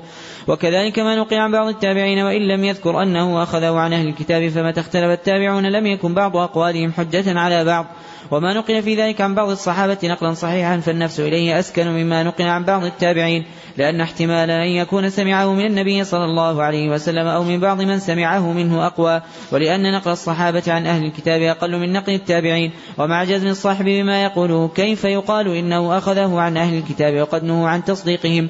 والمقصود أن مثل هذا الاختلاف الذي لا يعلم صحيحه ولا تفيد حكاية الأقوال فيه هو كالمعرفة لما يروى من الحديث الذي لا دليل على صحته وأمثال ذلك. وأما القسم الأول الذي يمكن معرفة الصحيح منه فهذا موجود فيما يحتاج إليه ولله الحمد فكثيرا ما يوجد في التفسير والحديث والمغازي أمور منقولة عن نبينا صلى الله عليه وسلم وغيره من الأنبياء. صلوات الله عليهم وسلامه والنقل الصحيح يدفع ذلك. بل هذا موجود فيما استنده النقل وفيما قد يعرف بأمور أخرى غير النقل. فالمقصود أن المنقولات التي يحتاج إليها في الدين قد نصب الله الأدلة على بيان ما فيها من صحيح وغيره. ومعلوم أن المنقول في التفسير أكثره كالمنقول في المغازي والملاحم ولهذا قال الإمام أحمد رحمه الله تعالى ثلاثة أمور ليس, في ليس لها إسناد التفسير والملاحم والمغازي ويروى ليس لها أصل أي إسناد لأن الغالب عليها المراسيل مثل ما يذكره عروة بن الزبير والشعبي والزهري وموسى بن عقبة وابن إسحاق ومن بعدهم كيحيى بن سعيد كيحيى بن سعيد الأموي والوليد بن مسلم والواقدي ونحوهم في المغازي. فإن أعلم الناس بالمغازي أهل المدينة ثم أهل الشام ثم أهل العراق فأهل المدينة أعلم بها لأنها كانت عندهم. وأهل الشام كانوا أهل غزو وجهاد فكان لهم من العلم بالجهاد والسير ما ليس لغيرهم ولهذا عظم الناس كتاب أبي إسحاق الفزاري الذي صنفه في ذلك. وجعلوا الأوزاعي أعلم بهذا الباب من غيره من علماء الأمصار. وأما التفسير فإن أعلم الناس به أهل مكة لأنهم أصحاب ابن عباس كمجاهد وعطاء بن أبي رباح وعكرمة مولى ابن عباس وغيرهم من أصحاب ابن عباس كطاووس وأبي الشعثاء وسعيد بن جبير وأمثالهم. وكذلك أهل الكوفة من أصحاب عبد الله بن مسعود ومن ذلك ما تميزوا به على غيرهم وعلماء أهل المدينة من التفسير مثل زيد بن أسلم الذي أخذ عنه مالك التفسير وأخذه عنه أيضا ابنه عبد الرحمن وعنه عبد الله بن وهب. والمراسيل إذا تعددت طرقها وخلت عن المعطاة قصدا أو اتفاقا بغير قصد كانت صحيحة قطعا فإن النقل إما أن يكون صدقا فإما فإن النقل إما أن يكون صدقا مطابقا للخبر وإما أن يكون كذبا تعمد صاحبه الكذب أو أخطأ فيه. فمتى سلم من الكذب العمد والخطأ كان صدقا بلا ريب. فإذا كان الحديث جاء من جهتين أو جهاد أو جهات وقد علم أن المخبرين لم يتواطؤوا على اختلاقه وعلم أن مثل ذلك لا تقع الموافقة فيه اتفاقا بلا قصد. علم أنه صحيح. مثل شخص يحدث عن واقعة جرت ويذكر تفاصيل ما فيها من الأقوال والأفعال ويأتي شخص آخر قد علم أنه لم يواطئ الأول فيذكر مثل ما ذكره الأول من تفاصيل الأقوال والأفعال. فيعلم قطعا أن تلك الواقعة حق في الجملة فإنه لو كان كل منهما كذب بها عبدا أو أخطأ لم يتفق في العادة أن يأتي كل منهما بتلك التفاصيل التي تمنع العادة اتفاق الاثنين عليها بلا مواطأة من أحدهما لصاحبه. فإن الرجل قد يتفق أن ينظم بيتا وينظم الآخر مثله أو يكذب كذبة ويكذب الآخر مثلها. أما إذا أنشأ قصيدة طويلة ذات فنون على قافية وروي فلم تجي العادة بأن غيره ينشئ مثلها لفظا ومعنى مع الطول المفرط بل يعلم بالعادة أنه أخذها منه. وكذلك إذا حدث حديثا طويلا فيه فنون وحدث آخر بمثله فإنه إما أن يكون إما أن يكون وطأه عليه أو أخذه منه أو يكون الحديث صدقا. وبهذا الطريق يعلم صدق عامة ما تتعدد جهاته المختلفة على هذا الوجه من المنقولات وإن, وإن لم يكن أحدهما كافيا إما لإرساله وإما لضعف ناقله. لكن مثل هذا لا تضبط به الألفاظ والدقائق التي لا تعلم بهذا الطريق بل يحتاج إلى ذلك بل يحتاج ذلك إلى طريق يثبت بها مثل تلك الألفاظ والدقائق. ولهذا ثبتت غزوة بدر بالتواتر وأنها قبل أحد بل يعلم قطعا أن حمزة وعليا وأبا عبيدة برزوا إلى عتبة وشيبة والوليد وأن عليا قتل الوليد وأن حمزة قتل قرنه ثم يشك في قرنه هل هو عتبة أم شيبة. وهذا الأصل ينبغي أن يعرف فإنه أصل نافع في الجزم بكثير من المنقولات في الحديث والتفسير والمغازي وما ينقل من أقوال الناس وأفعالهم وغير ذلك. ولهذا إذا روي الحديث الذي يتأتى فيه ذلك عن النبي صلى الله عليه وسلم من وجهين مع العلم بأن أحدهما لم يأخذ عن الآخر جزم بأنه حق لا سيما إذا علم أن نقلته ليس ممن يتعمد الكذب. ليسوا ممن يتعمد الكذب وإنما يخاف على أحدهم النسيان والغلط فإن من عرف فإن من عرف الصحابة كابن مسعود وأبي بن كعب وابن عمر وجابر وأبي سعيد وأبي هريرة رضي الله عنهم وغيرهم علم يقينا أن الواحد من هؤلاء لم يكن ممن يتعمد الكذب على رسول الله صلى الله عليه وسلم فضلا عمن هو فوقهم. كما يعلم الرجل من حاله من جربه وخبره خبرة باطنة طويلة أنه ليس ممن يسرق أموال الناس ويقطع الطريق ويشهد بالزور ونحو ذلك. وكذلك التابعون بالمدينة ومكة والشام والبصرة فإن من عرف مثل أبي صالح السمان والأعرج وسليمان بن يسار وزيد بن أسلم وأمثالهم علم قطعا أنهم لم يكونوا ممن يتعمد الكذب في الحديث. فضلا عمن هو فوقهم مثل محمد بن سيرين والقاسم بن محمد أو سعيد بن المسيب أو عبيدة السلماني أو علقمة أو الأسود أو نحوهم. وإنما يخاف على الواحد من الغلط فإن الغلط والنسيان كثيرا ما يعرض للإنسان ومن الحفاظ من قد عرف الناس بعدهم عن ذلك جدا. كما عرفوا حال الشعبي والزهري وعروة وقتادة والثوري وأمثالهم لا سيما الزهري في زمانه والثوري في زمانه. فإنه قد يقول القائل إن ابن شهاب الزهري لا يعرف له غلط مع كثرة حديثه وسعة حفظه. والمقصود أن الحديث الطويل إذا روي مثلا من وجهين مختلفين من غير مواطاة امتنع عليه أن يكون غلطا كما امتنع أن يكون كذبا. فإن الغلط لا يكون في قصة طويلة متنوعة وإنما يكون في بعضها فإذا روى هذا قصة طويلة متنوعة ورواها الآخر مثل ما رواها الأول من غير مواطاة امتنع الغلط في جميعها كما امتنع الكذب في جميعها من غير مواطأة. ولهذا إنما يقع في مثل ذلك غلط في بعض ما جرى في القصة مثل حديث الشراء النبي صلى الله عليه وسلم البعير من جابر. فإن من تأمل طرقه علم قطعا أن الحديث صحيح وإن كانوا قد اختلفوا في مقدار الثمن. وقد بين ذلك البخاري رحمه الله تعالى في صحيحه. فإن جمهور ما في البخاري ومسلم مما يقطع بأن النبي صلى الله عليه وسلم قاله لأن غالبه من هذا النحو ولأنه قد تلقاه أهل العلم بالقبول والتصديق والأمة لا تجتمع على خطأ. فلو كان الحديث كذبا في نفس الأمر والأمة مصدقة له قابلة له لكانوا قد أجمعوا على تصديق ما هو في نفس الأمر كذب. وهذا إجماع على الخطأ وذلك ممتنع وإن كنا نحن بدون وإن كنا نحن بدون وإن كنا نحن. وإن كنا نحن بدون الإجماع نجوز الخطأ أو الكذب على الخبر. فهو كتجويزنا قبل أن نعلم الإجماع على العلم الذي ثبت بظاهر أو قياس ظني أن يكون الحق في الباطن بخلاف ما اعتقدناه فإذا أجمعوا على الحكم جزمنا بأن الحكم ثابت باطنا وظاهرا. ولهذا كان جمهور أهل العلم من جميع الطوائف على أن خبر الواحد إذا تلقته الأمة بالقبول تصديقا له أو عملا به أنه يوجب العلم وهذا هو الذي ذكره المصنفون في أصول الفقه من أصحاب أبي حنيفة ومالك والشافعي وأحمد وإلا فرقة قليلة من المتأخرين اتبعوا في ذلك طائفة من أهل الكلام أنكروا ذلك. ولكن كثيرا من أهل الكلام أكثرهم يوافقون الفقهاء وأهل, وأهل الحديث والسلف على ذلك وهو قول أكثر الأشعرية كأبي إسحاق وابن فورك وابن وأما ابن الباقي وأما ابن الباقلاني وأما ابن الباقلاني فهو الذي أنكر ذلك وتبعه مثل أبي المعالي وأبو حامد وابن عقيل وابن الجوزي وابن الخطيب والآمدي ونحو هؤلاء. والأول هو الذي ذكره الشيخ أبو حامد وأبو الطيب وأبو إسحاق وأمثاله من أئمة الشافعية وهو الذي ذكره القاضي عبد الوهاب وأمثاله من المالكية وهو الذي ذكره شمس الدين السرخسي وأمثاله من الحنفية. وهو الذي ذكره أبو يعلى وأبو الخطاب وأبو الحسن بن الزاغ وهو الذي ذكره أبو يعلى وأبو الخطاب وأبو الحسن بن الزاغوني الزاغوني وأمثالهم من الحنبلية. وإذا كان الإجماع على تصديق الخبر موجبا للقطع به فالاعتبار في ذلك بإجماع أهل العلم بالحديث كما أن الاعتبار بالإجماع على الأحكام بإجماع أهل العلم بالأمر والنهي والإباحة. والمقصود هنا أن تعدد الطرق مع عدم التشاعر أو الاتفاق في العادة يوجب العلم بمضمون المنقول لكن هذا ينتفع به كثيرا في علم أحوال الناقلين. وفي مثل هذا ينتفع برواية المجهول والسيء الحفظ وبالحديث المرسل ونحو ذلك ولهذا كان أهل العلم يكتبون مثل هذه الأحاديث ويقولون إنه يصلح للشواهد والاعتبار ما لا يصلح لغيره. قال أحمد رحمه الله قد أكتب حديث الرجل لأعتبره ومثل ذلك بعبد الله بن لهيعة قاضي مصر فإنه كان من أكثر الناس حديثا ومن خيار الناس لكن بسبب احتراق كتبه وقع في حديثه المتأخر غلط فصار يعتبر بذلك ويستشهد به وكثيرا ما يقترن هو والليث بن سعد والليث حجة ثبت إمام.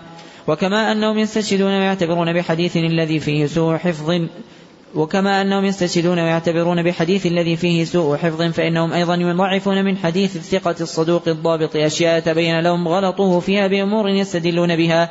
ويسمون هذا علم علة للحديث وهو من أشرف علومهم بحيث يكون الحديث قد رواه ثقة ضابط وغلط فيه وغلطه فيه عرف إما بسبب ظاهر كما عرفوا أن النبي صلى الله عليه وسلم تزوج ميمونة وهو حلال وأنه صلى في البيت ركعتين وجعلوا رواية ابن عباس لتزوجها حراما وكونه لم يصل مما وقع فيه الغلط. وكذلك أنه اعتمر أربع عمر وعلموا أن قول ابن عمر رضي الله عنهما إنه اعتمر في رجب مما وقع فيه الغلط وعلموا أنه تمتع وهو آمن في حجة الوداع وأن قول عثمان رضي الله عنه لعلي رضي الله عنه كنا يومئذ خائفين مما وقع فيه الغلط وأن ما وقع في بعض طرق البخاري أن النار لا تمتنع حتى ينشئ الله لها خلقا آخر مما وقع فيه الغلط وهذا كثير والناس في هذا الباب طرفان. طرف من أهل الكلام ونحوهم ممن هو بعيد عن معرفة الحديث وأهله لا يميز بين الصحيح والضعيف فيشك في صحة أحاديث أو فيشك في صحة أحاديث أو في القطع بها مع كونها معلومة مقطوعا بها عند أهل العلم به. وطرف ممن يدعي اتباع الحديث والعمل به كلما وجد لفظا في حديث قد رواه ثقة أو رأى, أو رأى حديثا بإسناد ظاهر الصحة يريد أن يجعل ذلك من جنس ما جزم أهل العلم بصحته حتى إذا عارض الصحيح المعروف أخذ يتكلف له التأويلات الباردة أو يجعله دليلا في مسائل العلم. مع أن أهل العلم بالحديث يعرفون أن مثل هذا غلط وكما أن على الحديث أدلة يعلم بها أنه صدق وقد يقطع بذلك فعليه أدلة يعلم بها أنه كذب ويقطع بذلك مثل ما يقطع بكذب ما يرويه الوضاعون من أهل البدع والغلو في الفضائل مثل حديث يوم عاشوراء وأمثاله مما فيه أن من صلى ركعتين كان له كأجر كذا وكذا نبيا. وفي التفسير من هذه الموضوعات قطعة كبيرة مثل الحديث الذي يرويه الثعلبي والواحدي والزمخشري والزمخشري في فضائل سور القرآن سورة سورة فإنه موضوع باتفاق أهل العلم. والثعلبي هو في نفسه كان فيه خير ودين ولكنه كان حاطب ليل ينقل ما وجد في كتب التفسير من صحيح وضعيف وموضوع. والواحدي صاحبه كان أبصر منه بالعربية لكن هو أبعد عن السلامة واتباع السلف. والبغوي تفسيره مختصر عن الثعلبي لكنه صان تفسيره عن الأحاديث الموضوعة والآراء المبتدعة. والموضوعات في كتب التفسير كثيرة. منها الأحاديث الكثيرة الصريحة بالجار بالبسملة وحديث علي الطويل في تصدقه بخاتمه في الصلاة فإنه موضوع باتفاق أهل العلم ومثل ما روي في قوله تعالى ولكل قوم هاد أنه علي وتعيها أذن واعية أذنك يا علي.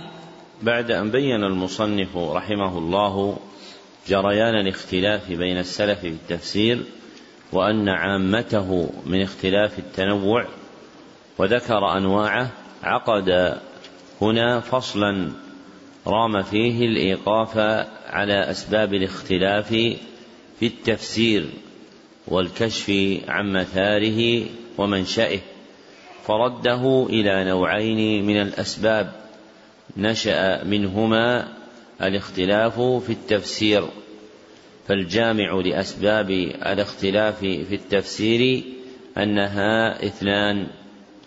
أحدهما أسباب تتعلق بالنقل أسباب تتعلق بالنقل وهي المستندة إلى الرواية والأثر وهي المستندة إلى الرواية والأثر والآخر أسباب تتعلق بالاستدلال أسباب تتعلق بالاستدلال وهي المستندة إلى الدراية والنظر وهي المستندة إلى الدراية والنظر. والنقل باعتبار من يعزى إليه نوعان. والنقل باعتبار من يعزى إليه نوعان. أحدهما النقل عن المعصوم وهو النبي صلى الله عليه وسلم. النقل عن المعصوم وهو النبي صلى الله عليه وسلم. والمقصود بالعصمة في هذا المحل العصمة في خبره عن الله عز وجل. العصمة في خبره عن الله عز وجل. فإن تفسير القرآن خبر عن الله والآخر النقل عن غير المعصوم. النقل عن غير المعصوم وهو كل من سوى النبي صلى الله عليه وسلم. كما أن النقل باعتبار إمكان ثبوته ينقسم إلى نوعين. كما أن النقل باعتبار إمكان ثبوته ينقسم إلى نوعين. أحدهما ما تمكن معرفة الصحيح منه والضعيف. ما تمكن معرفة الصحيح منه والضعيف. والآخر ما لا تمكن معرفة ذلك فيه. ما لا تمكن معرفة ذلك فيه. وهذا القسم الثاني عامته لا فائدة منه. وهذا القسم الثاني عامته لا فائدة منه. وهو من فضول الكلام. وأكثر ما فيه مأخوذ عن أهل الكتاب. والأصل في أخبارهم عن كتبهم قوله صلى الله عليه وسلم لا تصدقوا أهل الكتاب ولا تكذبوهم وقولوا آمنا بالله وما أنزل إلينا إلى تمام الآية. رواه البخاري رحمه الله تعالى من حديث يحيى بن أبي كثير عن أبي سلمة بن عبد الرحمن عن أبي هريرة رضي الله عنه. أما اللفظ الذي ذكره المصنف وعزاه إلى الصحيح فقال ثبت في الصحيح عن النبي صلى الله عليه وسلم أنه قال إذا حدثكم أهل الكتاب فلا تصدقوهم إلى آخر الحديث فهذا الحديث بهذا اللفظ ليس في الصحيح وإنما رواه الإمام أحمد وإنما رواه أبو داود في تفسير في سننه من حديث محمد بن شهاب عن ابن أبي نملة الأنصاري عن أبيه أبي نملة الأنصاري عن النبي صلى الله عليه وسلم وصححه ابن حبان. وأما اللفظ الوارد في الصحيح فهو الذي قدمناه من قوله صلى الله عليه وسلم لا تصدقوا أهل الكتاب ولا تكذبوهم وقولوا آمنا بالله وما أنزل إلينا. ثم ذكر المصنف أن المنقولات في التفسير الغالب عليها المراسيل كالمغازي وإنما كثر الإرسال في بابي التفسير والمغازي لأنهما من باب النقل العام لأنهما من باب النقل العام الذي لا يحوج إلى نقل خاص. وإذا كان الأمر عاما لم يحتج فيه إلى نقل خاص. فتكفي فيه الاستفاضة. فغلب في كلام السلف إرسال الأحاديث في التفاسير والمغازي بناء على أصل علمهما وهو كونهما من النقل العام الذي لا يختص بشيء معين. ثم ذكر المصنف مراتب الناس في العلوم ومن جملة ذلك مراتبهم في علم التفسير. فبين رحمه الله أن أعلم الناس بالتفسير في الصدر الأول هم أهل الحجاز مكة والمدينة فأهل مكة أصحاب ابن عباس فأهل مكة أصحاب ابن عباس كمجاهد ابن جبر وطاووس بن كيسان وعطاء بن أبي رباح وعكرمة مولى ابن عباس.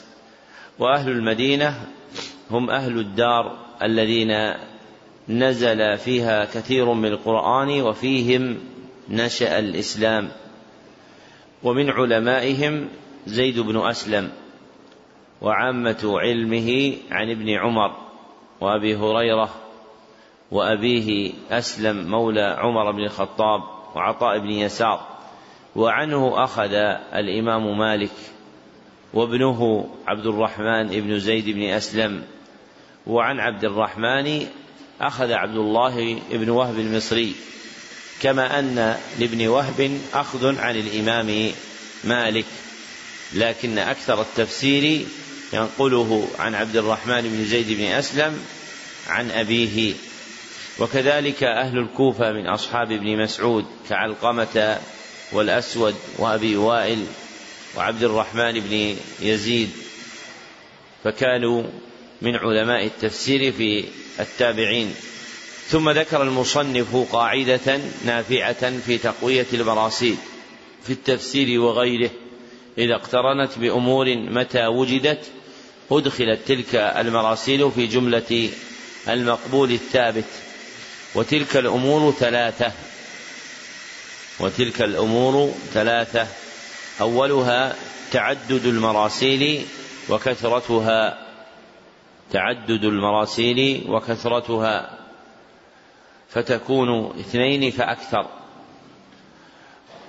وثانيها تباين مخارجها تباين مخارجها أي اختلاف بلدان مرسليها أي اختلاف بلدان مرسليها. فيكون أحدهم مدنيا والآخر شاميا. والثالث كوفيا وهكذا. فيغلب مع ذلك على الظن أن المخبر لهم ليس واحدا وأن أصل الخبر لا يرجع إلى واحد.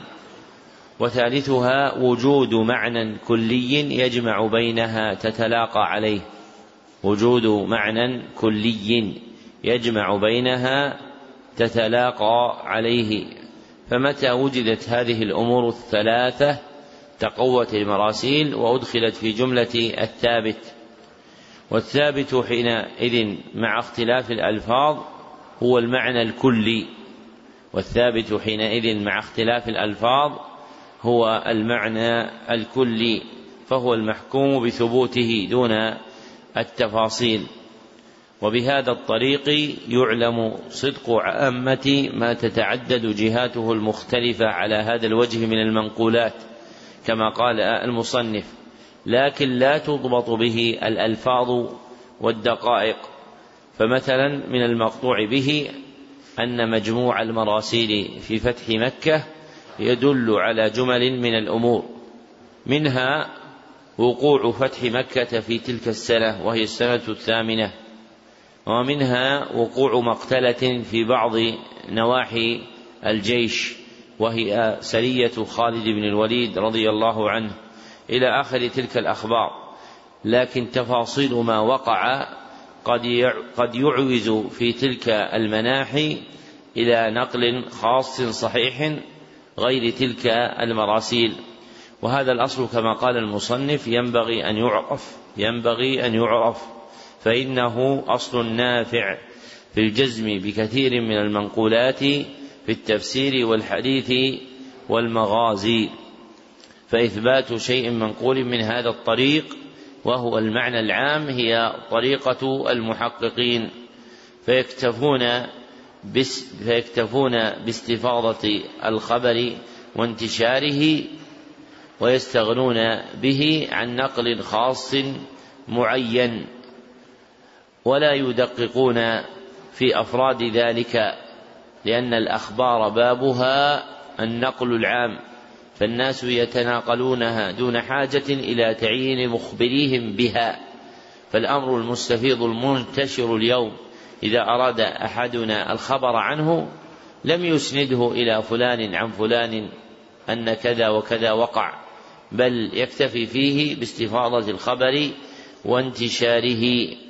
وكذلك يكون في الأخبار والوقائع المتعلقة بالمغازي والتفسير والتاريخ فيكتفى باستفاضة الخبر العام ولا يحتاج إلى التدقيق فيه ما لم يتضمن شيئا منكرا يخالف الأصول والقواعد الشرعية والأوضاع المرعية في خطاب الشرع فحينئذ يتعلل بإبطاله يتعلل لإبطاله بمخالفة الخطاب الشرعي.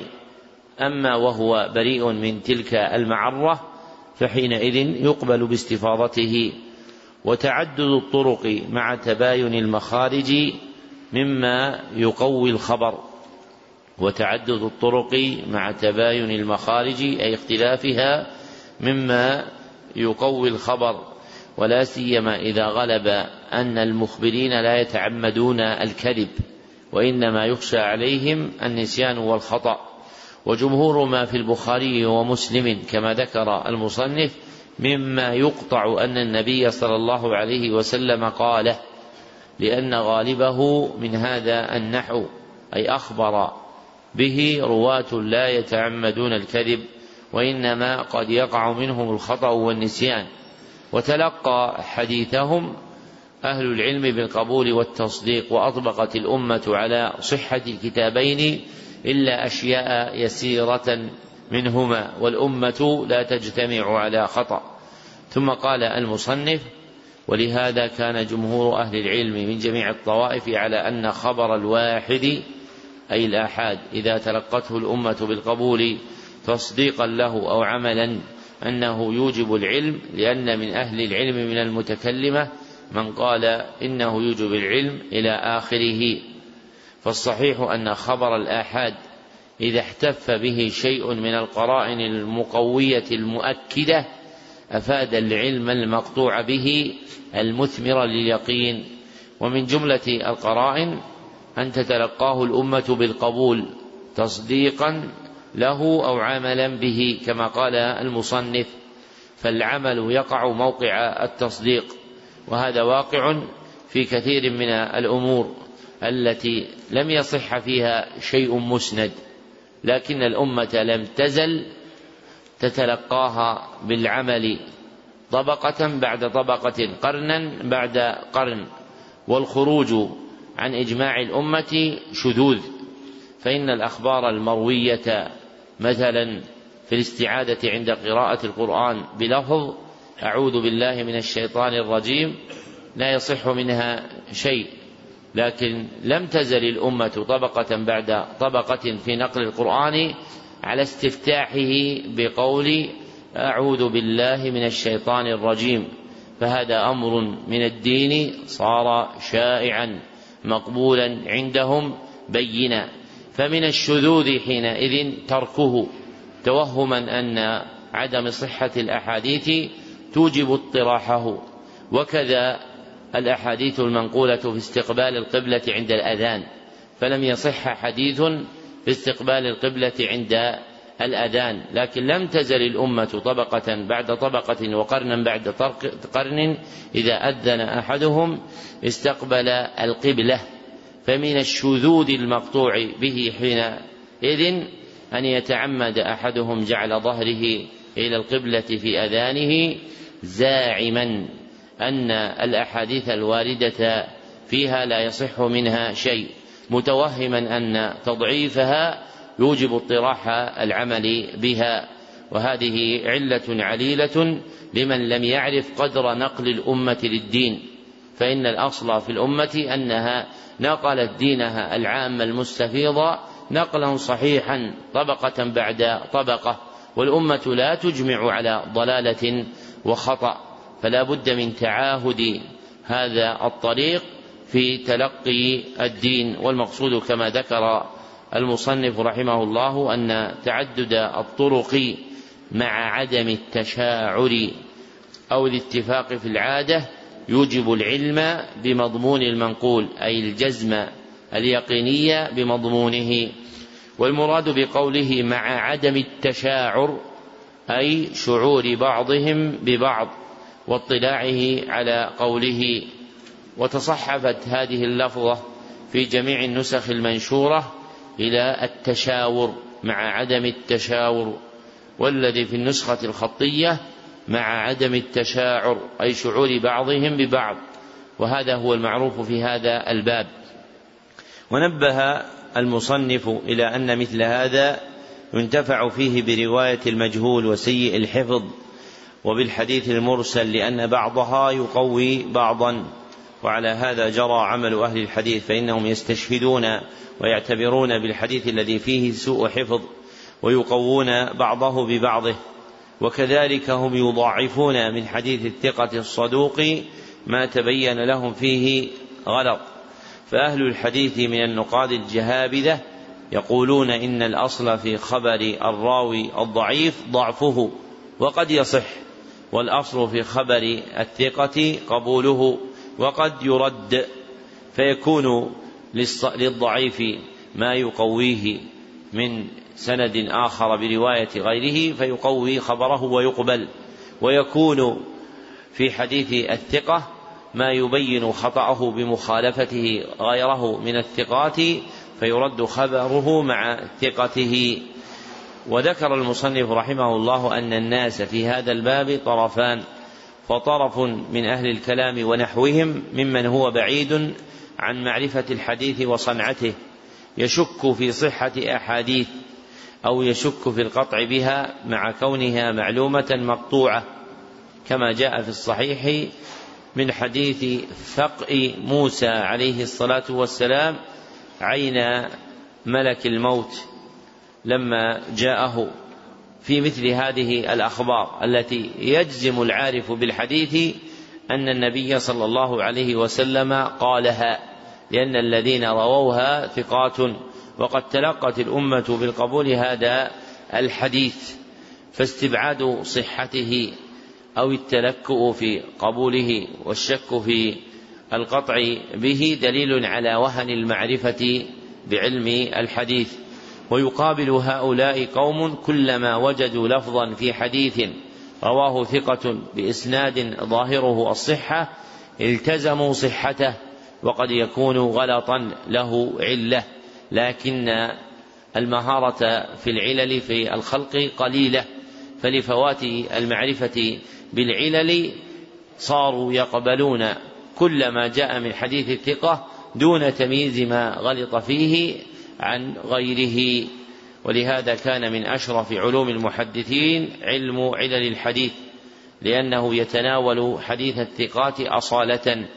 وكما ذكر المصنف وكما أن على الحديث أدلة يعلم بها أنه أنه صدق وقد يقطع به فعليه أدلة يعلم بها أنه كذب ويقطع بكذبه.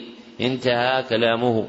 والإحاطة بهذه الأدلة إنما يترشح لها من مازج الحديث قلبه وصار له فيه معرفة قوية بطول الممارسة.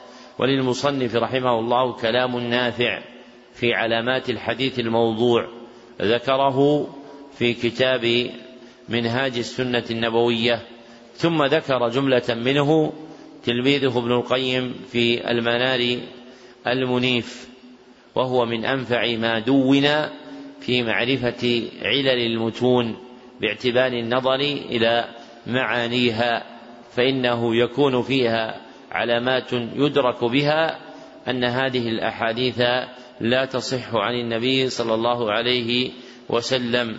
ثم ذكر المصنف أن الموضوعات في كتب التفسير كثيرة ومثل لها بأحاديث كقوله منها الأحاديث الكثيرة الصريحة في الجهر بالبسملة أي بقول بسم الله الرحمن الرحيم عند القراءة في الصلاة جهرا. وبه تعلم الحاجة إلى رعاية الأخبار في التفسير من جهة أنه لا يتشدد في نقدها لأنها من جهة الأخبار العامة ثم يتفطن إلى ما دس في التفسير من الأحاديث الموضوعات والأخبار الإسرائيليات لتستبعد وتنفى عن النقل الوارد في التفسير. نعم. أحسن الله إليكم. قال رحمه الله تعالى فصل في النوع الثاني الخلاف الواقع في التفسير من جهة الاستدلال وأما النوع الثاني من مستندي الاختلاف وهو ما يعلم بالاستدلال لا بالنقل فهذا أكثر ما فيه الخطأ من جهتين حدثتا بعد تفسير الصحابة والتابعين وتابعيهم بإحسان. فإن التفاسير التي يذكر فيها كلام هؤلاء صرفا لا يكاد يوجد فيها شيء لا يكاد يوجد فيها شيء من هاتين الجهتين مثل تفسير عبد الرزاق ووكيع وعبد المحميد وعبد الرحمن بن إبراهيم دحيم ومثل تفسير الإمام أحمد وإسحاق بن راه وإسحاق بن راهويه وبقي بن مخلد وأبي بكر بن المنذر وسفيان بن عيينة وسنيد وابن جرير وابن, وابن, وابن أبي حاتم وأبي سعيد الأشج وابن عبد الله بن ماجه وابن, مردو وابن مردويه إحداهما قوم اعتقدوا معاني ثم أرادوا حمل ألفاظ القرآن عليها والثانية قوم والثانية قوم فسروا القرآن بمجرد ما يسوغ أن يريده بكلامه بمجرد ما يسوغ أن يريده بكلامه من كان من الناطقين بلغة العرب من غير نظر إلى المتكلم بالقرآن والمنزل عليه والمخاطب به.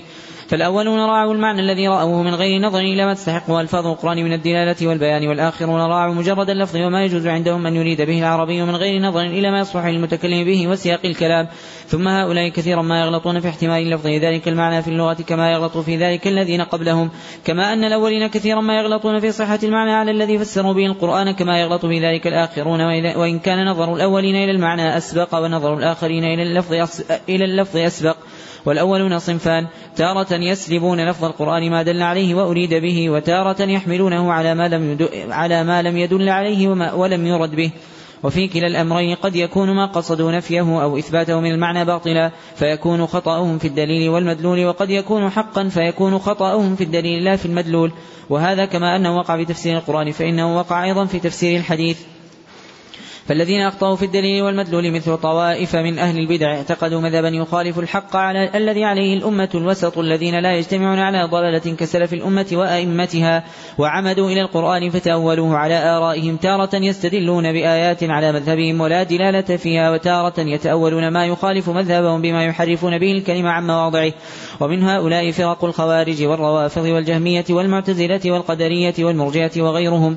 وهذا كالمعتزلة مثلا فإن, فإن أنهم من أعظم الناس كلاما وجدالا وقد صنفوا تفاسير على أصول مذهبهم مثل تفسير عبد الرحمن بن كيسان الأصم شيخ إبراهيم بن إسماعيل بن علية الذي كان يناظر الشافعية ومثل كتاب أبي علي الجبائي والتفسير الكبير القاضي عبد الجبار بن أحمد الهمداني والجامع القرآن علي بن عيسى الرماني والكشافي أبي القاسم الزمخشري فهؤلاء وأمثالهم اعتقدوا مذاهب المعتزلة. وأصول المعتزلة خمسة يسمونها هم التوحيد والعدل والمنزلة بين المنزلتين وإنفاذ الوعيد والأمر بالمعروف والنهي عن المنكر وتوحيدهم هو توحيد الجهمية الذي مضمونه نفي الصفات وغير ذلك. قالوا إن الله لا يرى وإن القرآن مخلوق وإنه تعالى ليس فوق العالم وإنه لا يقوم به علم ولا قدرة ولا حياة ولا سمع ولا بصر ولا كلام ولا مشيئة ولا صفة من الصفات. وأما عدلهم فمن مضمونه أن الله لم يشأ جميع الكائنات ولا خلقها كلها ولا هو قادر عليها كلها بل, عندهم أفعال العباد لم يخلق الله لا خيرها ولا شرها ولم يرد إلا ما أمر به شرعا وما سوى ذلك فإنه يكون بغير مشيئته. وقد وافقهم على ذلك متأخر الشيعة كالمفيد وأبي جعفر الطوسي وأمثالهما. ولأبي جعفر هذا تفسير على هذه الطريقة لكن يضم إلى ذلك قول الإمامية قول الإمامية الاثنى عشرية. فإن المعتزلة ليس فيهم من يقول بذلك ولا من ينكر. الاثني عشرية. أحسن الله إليكم. ولأبي جعفر هذا تفسير على هذه الطريقة لكن يضم إلى ذلك قول الإمامية الاثني عشرية فإن المعتزلة ليس فيهم من يقول بذلك ولا من ينكر خلافة أبي بكر وعمر وعثمان وعلي رضي الله عنهم. ومن أصول المعتزلة مع الخوارج إنفاذ الوعيد في الآخرة وأن الله لا يقبل في أهل الكبائر شفاعة ولا يخرج منهم أحدا من النار. ولا ريب أنه قد رد عليهم طوائف من المرجئة والكرامية والكلاب والكلابية وأتباع والكلابية. أحسن الله إليكم. ولا ريب أنه قد رد عليهم طوائف من المرجئة والكرامية والكلابية وأتباعهم فأحسنوا تارة وأساءوا أخرى حتى صاروا في طرفي نقيض كما قد بسط في غير هذا الموضع.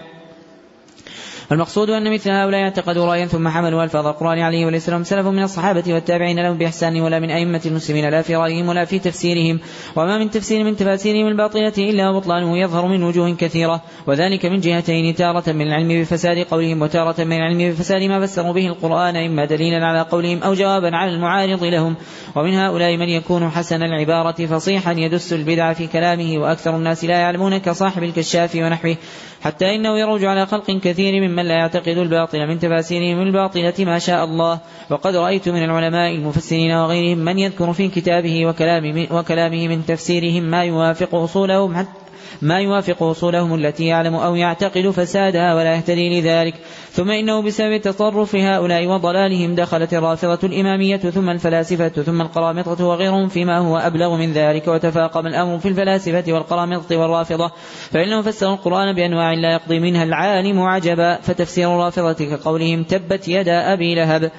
وهما أبو بكر وعمر وقوله, وقوله تعالى لئن أشركت ليحبطن عملك. أي بين أبي بكر وعمر وعلي في الخلافة وقوله تعالى إن الله يأمركم أن تذبحوا بقرة هي عائشة وقوله تعالى فقاتلوا أئمة الكفر طلحة والزبير وقوله تعالى مرج البحرين علي وفاطمة وقوله تعالى اللؤلؤ والمرجان الحسن والحسين وقوله تعالى وكل شيء أحصيناه في إمام مبين في علي بن أبي طالب وقوله تعالى عما يتساءلون عن النبأ العظيم علي بن أبي طالب وقوله تعالى إنما وليكم الله ورسوله والذين آمنوا الذين يقيمون الصلاة ويؤتون الزكاة وهم راكعون. قالوا هو علي ويذكرون الحديث الموضوع بإجماع أهل العلم وهو تصدقه بخاتمه في الصلاة. وكذلك قوله تعالى أولئك عليهم صلوات من ربهم ورحمة. قالوا نزلت في علي لما أصيب بحمزة ومما يقارب هذا من بعض الوجوه ما يذكره كثير من المفسرين في مثل, في مثل قوله تعالى الصابرين والصادقين والقانتين والمنفقين والمستغفرين بالأسحار أن الصابرين رسول الله والصادقين أبو بكر والقانتين عمر والمنفقين عثمان والمستغفرين علي. وفي مثل, وفي مثل قوله تعالى محمد رسول الله والذين معه. أبو بكر أشداء على الكفار عمر رحماء بينهم عثمان تراهم ركعا سجدا علي وأعجب من ذلك قول بعضهم والتين أبو بكر والزيتون عمر وطور سينين عثمان وهذا البلد الأمين علي وأمثال هذه الخرافات التي تتضمن تارة تفسير اللفظ ما لا يدل عليه بحال فإن هذه الألفاظ لا تدل على هؤلاء الأشخاص بحال. وقوله تعالى والذين معه أشداء على الكفار رحماء بينهم تراهم ركعا سجدا كل ذلك نعت للذين معه وهي التي يسميها النحاة خبرا بعد خبر والمقصود هنا أنها كلها صفات لموصوف واحد وهم الذين معه.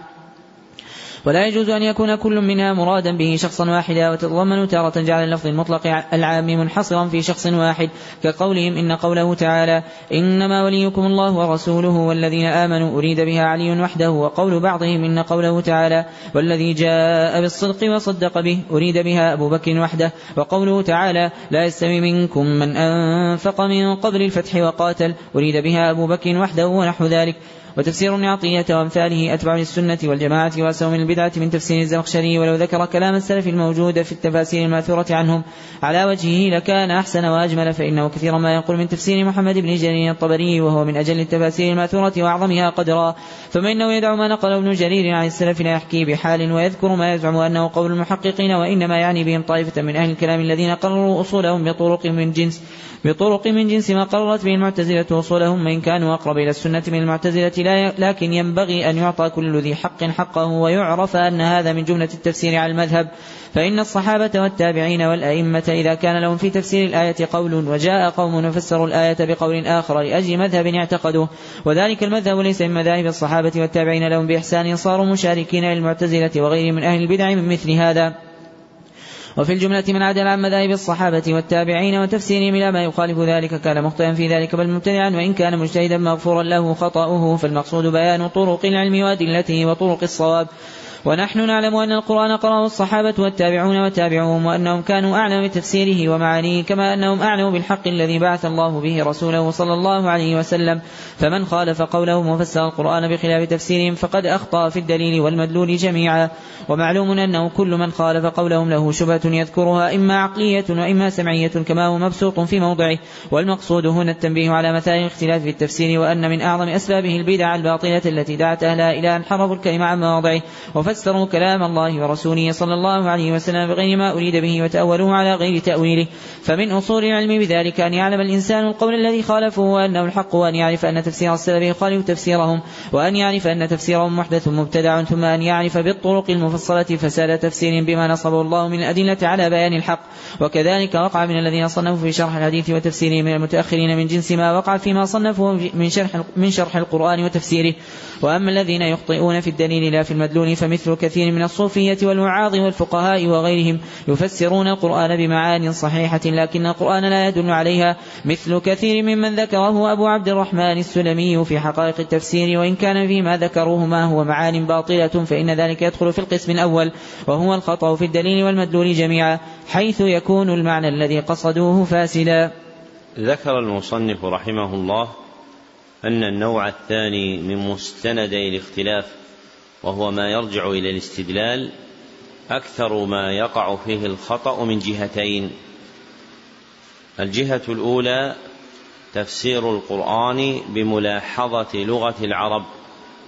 تفسير القرآن بملاحظة لغة العرب دون النظر إلى المتكلم بالقرآن والمنزل عليه والمخاطب به أي مع قطع الخطاب عن متعلقاته أي مع قطع الخطاب عن متعلقاته فإن الخطاب القرآني له متعلقات عدة منها المتكلم به هو الله وهو الله سبحانه وتعالى ومنها المنزل عليه وهو محمد صلى الله عليه وسلم ومنها المخاطب به وهم العباد الذين طولبوا بالأمر والنهي وأخصهم بذلك من شهد التنزيل وهم الصحابة رضي الله عنهم. وأهل هذه الجهة يقصرون النظر على البناء اللغوي. وأهل هذه الجهة يقصرون النظر على البناء اللغوي. فهم هؤلاء الألفاظ والمباني. والجهة الثانية تفسير القرآن بحمل ألفاظه على معان يعتقدها المفسر. تفسير القرآن بحمل ألفاظه على معان يعتقدها المفسر وأهل هذه الجهة همهم الحقائق والمعاني. وأهل هذه الجهة همهم الحقائق والمعاني. وهؤلاء كما ذكر المصنف صنفان. وهؤلاء كما ذكر المصنف صنفان. أحدهما قوم يسلبون لفظ القرآن ما دل عليه وأريد به. قوم يسلبون لفظ القرآن ما دل عليه وأريد به. أي يخرجونه عن ذلك ويمنعونه منه. أي يخرجونه عن ذلك ويمنعونه منه. والآخر قوم يحملون لفظ القرآن على ما لم يدل عليه ولم يرد به. يحملون لفظ القرآن على ما لم يدل عليه ولم يرد به. وفي كلا الأمرين قد يكون ما قصدوا نفيه أو إثباته من المعنى باطلا وقد يكون حقا. وهؤلاء يخطئون تارة في الدليل والمدلول أي في الدليل من القرآن والمدلول أي المعنى المراد. وتارة يخطئون في الدليل لا في المدلول. فأما الذين يخطئون في الدليل والمدلول فهم الذين أشار إليهم المصنف بقوله فالذين أخطأوا في الدليل والمدلول مثل طائفة من أهل البدع اعتقدوا مذهبا يخالف الحق الذي عليه الأمة الوسط. انتهى كلامه. وأما من يقابلهم وهم الذين يخطئون في الدليل لا المدلول فقد ذكرهم المصنف بعد تطويل العبارة في الصنف الأول فقال اخرا وأما الذين يخطئون في الدليل لا في المدلول فمثل كثير من الصوفية والوعاظ والفقهاء وغيرهم يفسرون القرآن بمعان صحيحة إلى آخر ما ذكر.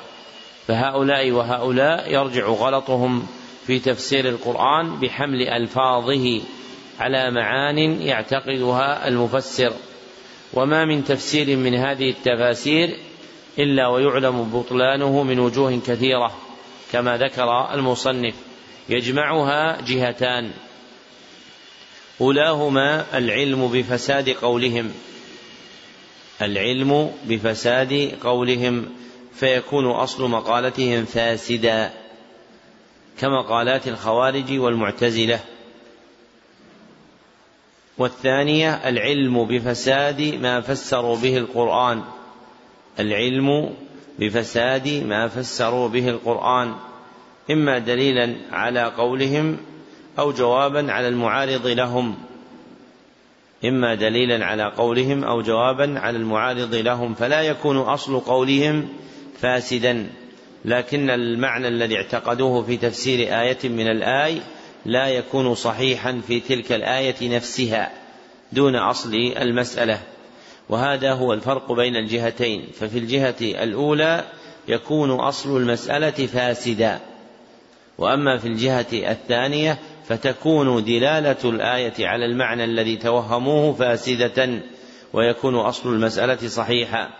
ثم ذكر المصنف رحمه الله أن أهل الجهتين المتقدمتين يرجع غلطهم إلى أمرين.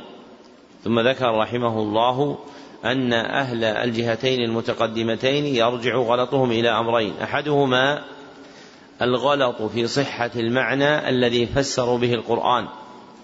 الغلط في صحة المعنى الذي فسروا به القرآن وهو أكثر عند أهل الجهة الأولى من الجهة الثانية وهو أكثر عند أهل الجهة الأولى من الجهة الثانية والآخر الغلط في احتمال اللفظ لما ذكروه من المعنى.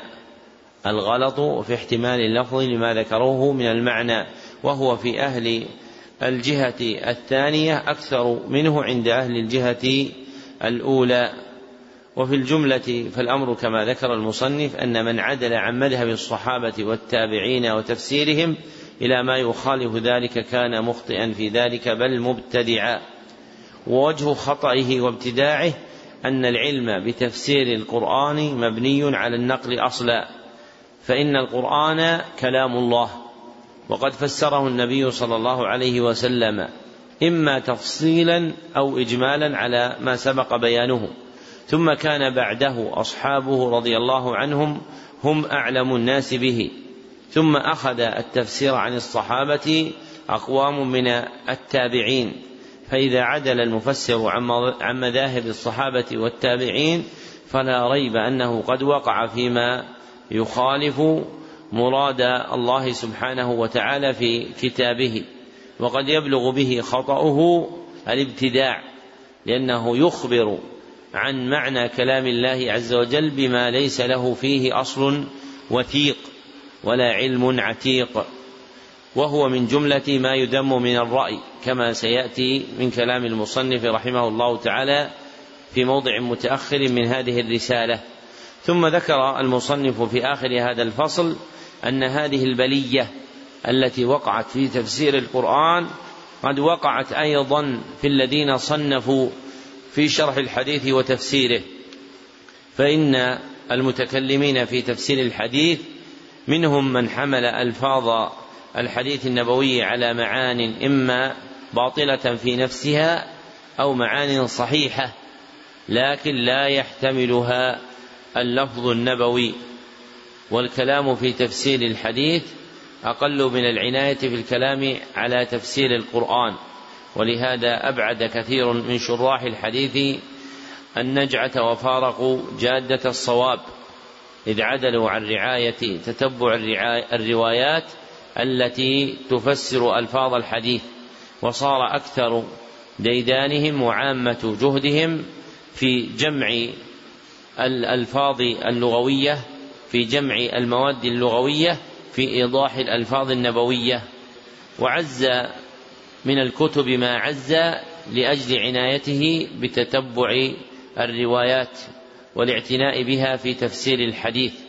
ومن جواهر كلام الإمام أحمد قوله الحديث يفسر بعضه بعضا. الحديث يفسر بعضه بعضا. ومن جملة ذلك ما يعين عليه من المروي في ألفاظه. وجماعه أن الذي يفسر به الحديث من الحديث شيئان. أن الذي يفسر به الحديث من الحديث شيئان. أحدهما الألفاظ الزائدة في سياق متن ما. الألفاظ الزائدة في سياق متن ما.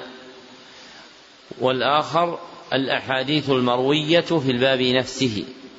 الأحاديث المروية في الباب نفسه. فإن الأحاديث التي تروى عن النبي صلى الله عليه وسلم في باب من أبواب العلم يصدق بعضها بعضا كما أن آيات القرآن يصدق بعضها بعضا فيستعان بتصديق بعضها بعضا على شرح الحديث المراد منها.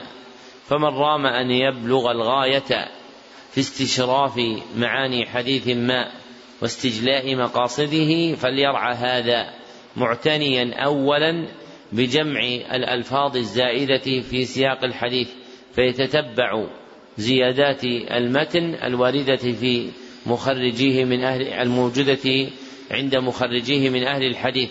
فإذا وفى الحديث حقه ضم إلى هذا الحديث الأحاديث المروية عن النبي صلى الله عليه وسلم في الباب نفسه. فلو أردت مثلا أن توضح معاني حديث يتعلق بالصلاة فاجمع اولا ألفاظ هذا الحديث تامة بتتبعها من كتب الحديث حتى يكون الحديث كلا كاملا وجملة تامة بين يديك. ثم انظر فيما جاء عن النبي صلى الله عليه وسلم في هذا الباب المنقول عنه في الصلاة لتستعين به على فهم الحديث الذي تريده. فإن أحاديث النبي صلى الله عليه وسلم يصدق بعضها بعضا ويشهد بعضها بعضا. وإذا أردت أن تذوق لذة أعظم فاجمع إلى هذا كلام السلف أولا فإن كلام السلف فيه من العلم والهداية والنور ما ليس في كلام غيرهم. ومن خالط كلام أبي الفرج ابن رجب في شرح الحديث آنس منه هذا المأخذ العظيم الذي صار به له رحمه الله تعالى سبق في بيان معاني الحديث لا تجده لغيره غفر الله له ورحمه. نعم. أحسن الله إليكم. قال رحمه الله تعالى فصل في أحسن طرق التفسير. فإن قال قائل فما أحسن طرق التفسير؟ فالجواب إن أصح الطرق في ذلك أن يفسر القرآن بالقرآن فما أجمل في مكان فإنه قد فسر في موضع آخر. وما اختصر في مكان فقد بسط في موضع آخر. فإن عياك ذلك فعليك بالسنة فإنها شارحة للقرآن وموضحة له. بل قد قال الإمام أبو عبد الله محمد بن إدريس الشافعي رحمه الله كل ما حكم به رسول الله صلى الله عليه وسلم فهو مما فهمه من القرآن. قال الله تعالى إنا أنزلنا إليك الكتاب بالحق لتحكم بين الناس بما أراك الله ولا تكن للخائنين خصيما. وقال تعالى وأنزلنا إليك الذكر لتبين للناس ما نزل إليهم ولعلهم يتفكرون.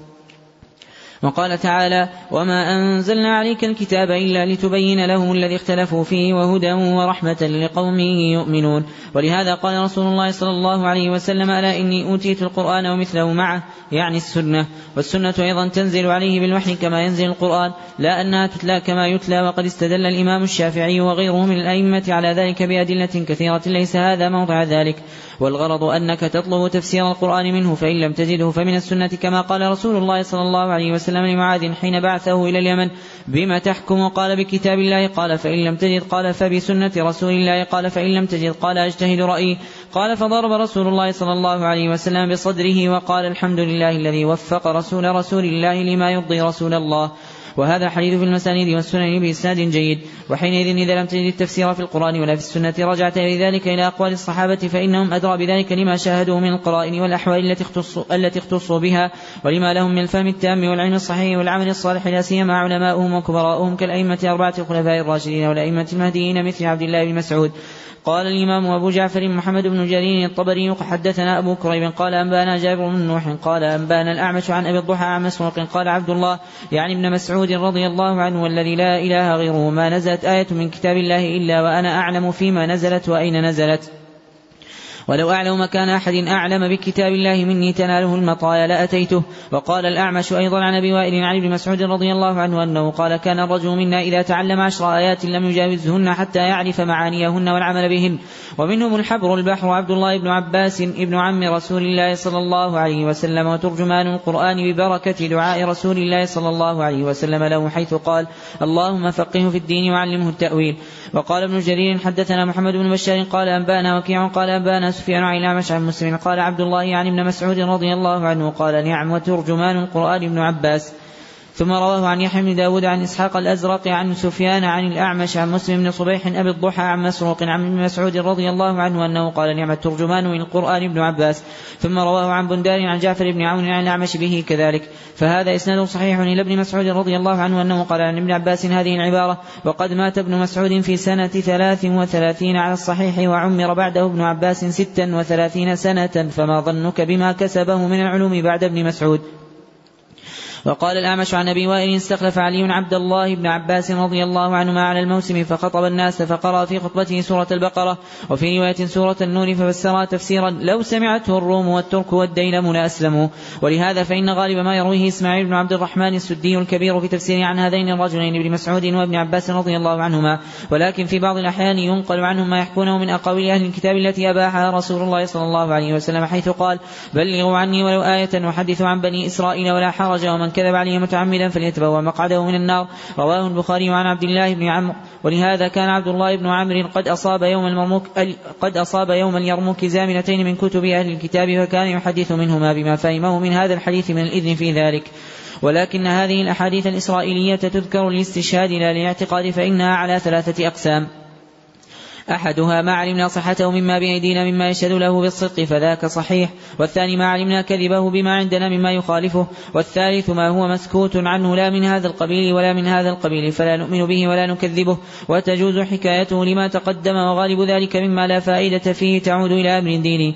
ولهذا يختلف علماء أهل الكتاب في مثل هذا كثيرا ويأتي عن المفسرين خلاف بسبب ذلك كما يذكرون في مثل هذا أسماء أصحاب الكهف ولون كلبهم وعدتهم وعصا موسى من أي الشجر كانت وأسماء الطيور التي أحيا الله تعالى لإبراهيم عليه السلام وتعيين البعض الذي ضرب به المقتول من البقرة ونوع الشجرة التي كلم الله منها موسى. إلى غير ذلك مما بهم الله تعالى في القرآن مما لا فائدة في تعيينه. تعود على المكلفين في دنياهم ولا في دينهم ولكن نقل الخلاف عنهم في ذلك جائز. كما قال تعالى سيقولون ثلاثة رابعهم كلبهم ويقولون خمسة سادسهم كلبهم رجما بالغيب ويقولون سبعة وثامنهم كلبهم قل ربي أعلم بعدتهم ما يعلمهم إلا قليل فلا تمار فيهم إلا مراء ظاهرا ولا تستفت فيهم منهم أحدا فقد اشتملت هذه الآية الكريمة على الأدب في هذا المقام وتعليم ما ينبغي في مثل هذا فإنه تعالى أخبر عنهم في ثلاثة أقوال وضعف القولين الأولين وسكت عن الثالث فدل على صحته إذ, كان إذ لو كان باطلا لرده كما ردهما ثم أرشد إلى أن الاطلاع على عدتهم لا طائل تحته فيقال في مثل هذا قل ربي أعلم بعدتهم فإنه لا يعلم بذلك إلا قليل من الناس من أطلع الله عليه فلهذا قال فلا تمار فيهم إلا مراء ظاهرا أي لا تجد نفسك فيما لا طائل تحته؟ ولا تسألهم عن ذلك فيما فإنهم لا يعلمون من ذلك إلا رجم الغيب. فهذا أحسن ما يكون في حكايات الخلاف أن تستوعب الأقوال في ذلك المقام وأن ينبه على الصحيح منها ويبطل الباطل وتذكر فائدة الخلاف وثمرته لئلا يطول النزاع والخلاف فيما لا فائدة تحته فيشتغل به عن الأهم. فأما من حكى خلافا في مسألة ولم يستوعب أقوال الناس فيها فهو ناقص. إذ قد يكون الصواب في الذي تركه أو يحكي الخلاف ويطلقه ولا ينبه على الصحيح من الأقوال فهو ناقص أيضا. فإن صح غير الصحيح عامدا فقد تعمد الكذب أو جاهلا فقد أخطأ. كذلك من نصب الخلاف فيما لا فائدة تحته أو حكى أقوالا متعددة لفظا ويرجع حاصلها إلى قول أو قولين معنى فقد ضيع الزمان وتكثر بما ليس بصحيح فهو كلابس ثوب زور فهو كلابس ثوب زور والله الموفق للصواب. هذا الفصل وما بعده انتقال إلى أصل آخر يتصل بتفسير القرآن وهو معرفة أحسن طرق التفسير وأصحها. وقد ذكر المصنف رحمه الله أن أصح الطرق في ذلك أن يفسر القرآن بالقرآن وتفسير القرآن بالقرآن نوعان. أحدهما نص صريح أحدهما نص صريح كما قال تعالى والسماء والطارق وما أدراك ما الطارق النجم الثاقب.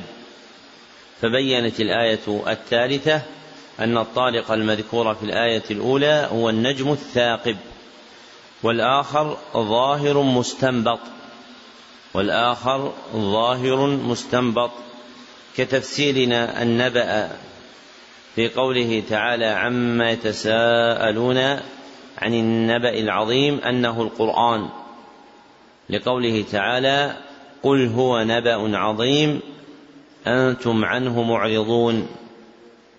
فسياق الآيات في سورة صاد يدل على أنه القرآن. فإن أعياك ذلك فعليك بالسنة وتفسير القرآن بالسنة نوعان. أحدهما تفسير خاص أحدهما تفسير خاص كما ثبت في تفسير قوله تعالى غير المغضوب عليهم ولا الضالين أنهم اليهود والنصارى. والثاني تفسير عام غير معين تفسير عام غير معين وهو سنته صلى الله عليه وسلم قولا وفعلا وتقريرا. كقوله تعالى أقم الصلاة لدلوك الشمس. إلى غسق الليل وقرآن الفجر. إن قرآن الفجر كان مشهودا. فجاءت السنة النبوية قولا وفعلا بتحديد مواقيت الصلاة. فصار هذا تفسيرا للقرآن بالسنة على وجه الإجمال. وأورد المصنف لتقرير هذا المعنى من تفسير القرآن بالقرآن ثم بالسنة حديث معاذ المشهور. عند بعثه اليمن وهو حديث ضعيف عند قدماء الحفاظ. ومن المتأخرين من قواه كالمصنف رحمه الله وتلميذيه أبي عبد الله بن القيم وأبي الفداء بن كثير رحمهما الله. وإذا لم تجد التفسير في القرآن ولا في السنة رجعت إلى تفسير الصحابة رضي الله عنهم. وإنما قدم تفسير الصحابة على غيرهم لأمرين. وإنما قدم تفسير الصحابة على غيرهم لأمرين أحدهما كمال فهومهم وصحة علومهم كمال فهومهم وصحة علومهم وزكاة نفوسهم وزكاة نفوسهم وصلاح أعمالهم. والآخر شهودهم التنزيل شهودهم التنزيل. واطلاعهم على القرائن والأحوال المختصة به. واطلاعهم على القرائن والأحوال المختصة به. مما لم يشاركهم فيه أحد. وأولى الصحابة بالتقديم في تفسير القرآن هم علماؤهم وكبراؤهم كالخلفاء الأربعة الراشدين وعبد الله بن مسعود وعبد الله بن عباس رضي الله عنهما.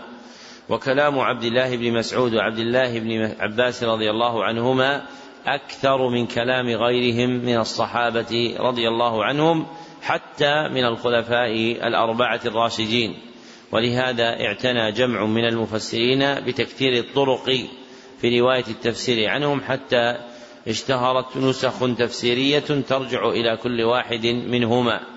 بل السدي الكبير وهو إسماعيل بن عبد الرحمن رحمه الله حشى تفسيره بكلام هذين الصحابيين وعادته فيه أيضا أن يجمع تفسيرهما بسند واحد. وإسماعيل السدي هذا أنكر عليه جمع الطرق ذكره الإمام أحمد فإنه يجمع الطرق ثم يقتصر على لفظ ولا يبين لمن هو فيتوهم أن هذه الطرق كافة هي بهذا اللفظ.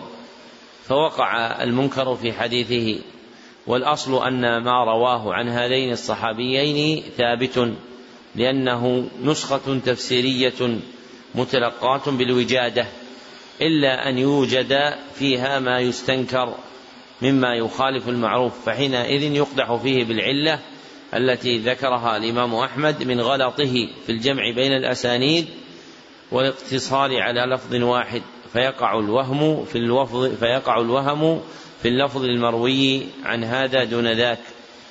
ومما ينبغي أن يلاحظ في تفسير الصحابة دخول الإسرائيليات في تفسيرهم بتحديث بعض الصحابة عن أهل الكتاب. والمراد بالأحاديث الإسرائيلية الأحاديث المأخوذة عن كتب أهل الكتاب. الأحاديث المأخوذة عن كتب أهل الكتاب دون غيرهم فما كان عن غيرهم فلا يندرج في هذا كالمذكور في كتب التفسير من أحوال العرب في الجاهلية أو قصص عاد وثمود وأخبار العرب. فهذا شيء يرجع إلى نقل التاريخ العربي وهؤلاء هم وراث تلك القبائل القديمة فإن العرب انتقلت من قبائلها البائدة إلى أصولها التي بقيت من تلك العرب البائدة فصارت العرب الباقية بأسمائها وأنسابها المعروفة عند أهل النسب.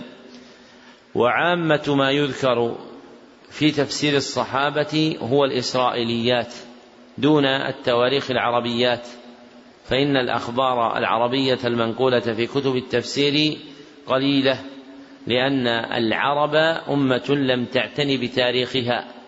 لأن العرب أمة لم تعتني بتاريخها فلم يحفظوا أكثره وحفظوا أشياء منه يسيرة بخلاف كتب أهل الكتاب فإنها حفظت أحوال بني إسرائيل. والأحاديث الإسرائيلية تذكر في التفسير للاستشهاد لا للاعتماد.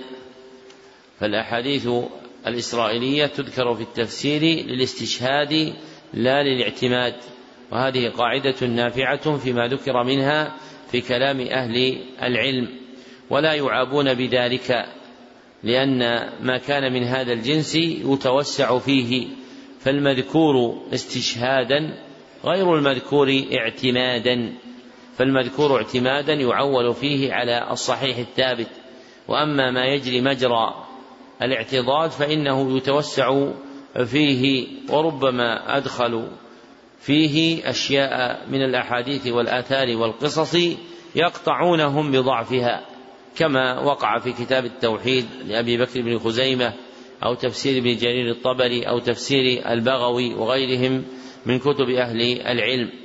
والمقصود أن تعرف أن الأحاديث الإسرائيلية هي من هذا الباب تذكر للاستشهاد لا للاعتماد والاعتقاد. وهي على ثلاثة أقسام كما ذكر المصنف رحمه الله تعالى. أحدها ما علمنا صحته. ما علمنا صحته بشاهد الصدق عندنا. فذاك صحيح.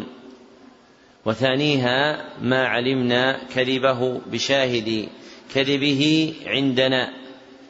ما علمنا كذبه بشاهد كذبه عندنا. وثالثها ما هو مسكوت عنه.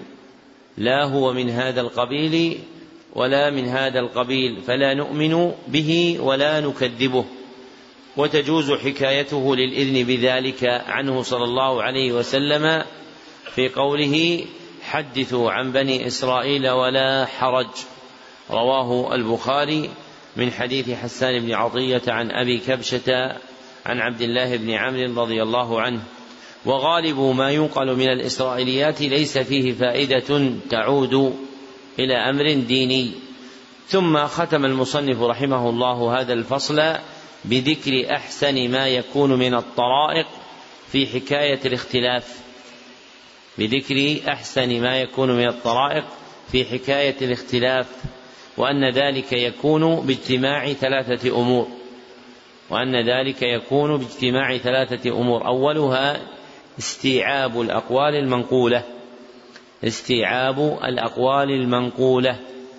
باستيفائها جميعا. وثانيها تصحيح الحق وتزييف الباطل. وثانيها تصحيح الحق وتزييف الباطل.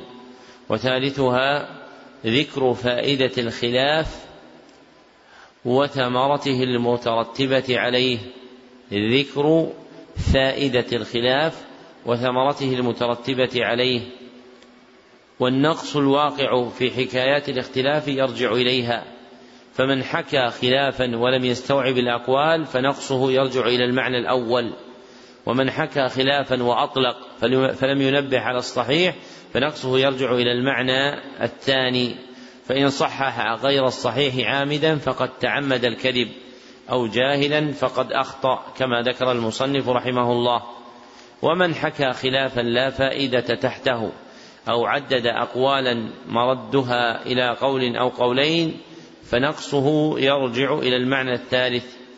ولو أن أبا الفرج ابن الجوزي رحمه الله أعمل الأمرين الأخيرين في كتابه زاد المسير لكان كتابه من أحسن الكتب لكنه يستوعب الأقوال غالبا دون عناية بتصحيح الصحيح وتزييف الباطل وبيان فائدة الخلاف ورجوع الأقوال بعضها إلى بعض.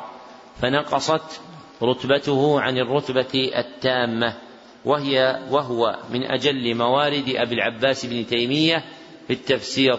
فإنه يعتمد عليه كثيرا في نقل ما جاء عن السلف من الاختلاف في تفسير الآيات ثم يزيده بما يبينه من تصحيح الحق وتزييف الباطل أو رد هذه الأقوال بعضها إلى بعض ونفي ما يتوهم بينها من الاختلاف.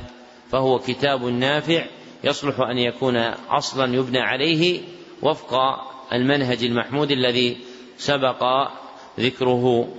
نعم. أحسن الله إليكم. قال رحمه الله تعالى فصل في تفسير القرآن بأقوال التابعين. إذا لم تجد التفسير في القرآن ولا في السنة ولا وجدته عن الصحابة فقد رجع كثير من الأئمة في ذلك إلى أقوال التابعين كمجاهد بن جبر فإنه آية في التفسير. كما قال محمد بن إسحاق حدثنا أبان بن صالح عن مجاهد قال عرضت المصحف على ابن عباس ثلاث عرضات من فاتحته إلى خاتمته أوقفه عند كل آية منه وأسأله عنها. وبه إلى الترمذي قال حدثنا حسين بن مهدي البصري قال حدثنا عبد الرزاق عن معمر عن قتادة. قوله وبه إلى الترمذي يعني وبإسناد متقدم ساقه إلى الترمذي وهو إسناده. لكن لا يوجد فيما سبق أن المصنف رحمه الله تعالى ساق إسنادا إلى الترمذي حتى يصح هذا العطف. لكن هكذا هو موجود في النسخة الخطية التامة الباقية للكتاب. وكأن هذا الكتاب فيه نقص لم يستوفى وأشبه به كتاب آخر للمصنف طبع باسم قاعدة في فضائل القرآن وهو في الحقيقة ملخص لهذه المقدمة.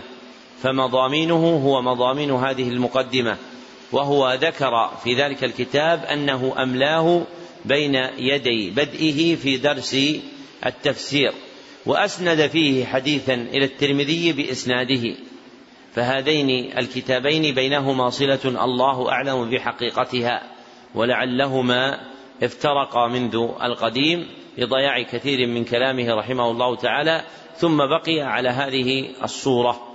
ومن أراد أن يستتم استفادته من هذه المقدمة فليطالع الكتاب الآخر له المطبوع باسم قاعدة في فضائل القرآن وهي تسمية وضعها الناشر المعتني بالكتاب لا توافق مضمنة ولكنه استروح ذلك لما وجده من كلام لابن عبد الهادي أن للمصنف قاعدة في فضائل القرآن وأنها تناسب هذا وهي قاعدة نافعة سبق أن شرحناها في أحد دروس برنامج الدرس الواحد في سنة ماضية. نعم. أحسن الله إليكم. قال رحمه الله تعالى وبه الترمذي قال حدثنا حسين بن مهدي قال حدثنا الحسين بن مهدي البصري وقال حدثنا عبد الرزاق عن معبد عن قتادة قال مجاهد ما في القرآن آية إلا وقد سمعت فيها شيئا. وبه إليه قال حدثنا ابن أبي عمر قال حدثنا سفيان بن عيينة عن الأعمش قال قال مجاهد لو كنت قرأت قراءة ابن مسعود لم أحتج لم أحتج أن أسأل ابن عباس عن كثير من القرآن مما سألت. وقال ابن جرير حدثنا أبو كريم قال حدثنا طلق بن غنام عن عثمان المكي عن ابن أبي مليكة قال رأيت مجاهدا سأل ابن عباس عن تفسير القرآن ومعه ألواحه فيقول له ابن عباس اكتب حتى سأله عن التفسير كله ولهذا كان سفيان الثوري يقول إذا جاءك التفسير عن مجاهد فحسبك به وكسعيد بن جبير وعكرمة مولى ابن عباس وعطاء بن أبي رواح والحسن البصري ومسروق بن الأجدع وسعيد بن المسيب وبالعالية والربيع بن أنس. مسيب مسيب. أحسن الله إليكم. والحسن البصري ومسروق بن الأجدع وسعيد بن المسيب وأبي العالية والربيع بن أنس وقتادة والضحاك بن مزاحم وغيرهم من التابعين وتابعين ومن بعدهم. فتذكر أقوال في الآية فيقع في عباراتهم تباين في الألفاظ بحس يحسبها من لا علم عنده اختلافا فيحكيها أقوالا. وليس كذلك فإن منهم من يعبر عن الشيء بلازمه أو نظيره ومنهم من ينص على الشيء بعينه والكل بمعنى واحد في كثير من الأماكن. فليتفطن اللبيب لذلك والله الهادي. وقال شعبة بن الحجاج وغيره أقوال التابعين في الفروع ليست حجة فكيف تكون حجة في التفسير؟ يعني أنها لا تكون حجة على غيرهم ممن خالفهم وهذا صحيح. أما إذا اجتمعوا على شيء فلا يرتاب في كونه حجة. فإن اختلفوا فلا يكون قول بعضهم حجة على بعض ولا على من بعدهم. ويرجع في ذلك إلى لغة القرآن والسنة أو عموم لغة العرب وأقوال الصحابة في ذلك. فأما تفسير القرآن بمجرد الرأي فحرام. قال حدثنا مؤمن قال حدثنا سفيان قال حدثنا عبد الأعلى عن سعيد بن جبير عن ابن عباس رضي الله عنهما أنه قال قال رسول الله صلى الله عليه وسلم من قال في القرآن بغير علم فليتبوأ مقعده من النار. قال حدثنا وكيع قال حدثنا سفيان عن عبد الله على الثعلبي عن سعيد بن جبير عن ابن عباس رضي الله عنهما أنه قال قال رسول الله صلى الله عليه وسلم من قال في القرآن بغير علم فليتبوأ مقعده من النار. وبه إلى الترمذي قال حدثنا عبد بن حميد قال حدثني ابن حبان بن هلال قال حدثنا سهيل أخو حزام القطعي قال حدثنا أبو عمران الجوني عن جندب قال قال رسول الله صلى الله عليه وسلم من قال في القرآن برأيه فأصاب فقد أخطأ. قال الترمذي وهذا الحديث غريب وقد تكلم بعض أهل الحديث في سهيل بن أبي حزم.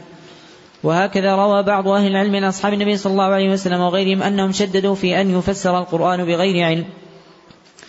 وأما الذي روي عن مجاهد وقتادة وغيرهما من أهل العلم أنهم فسروا القرآن فليس الظن بهم أنهم قالوا في القرآن وفسروه بغير علم أو من قبل أنفسهم.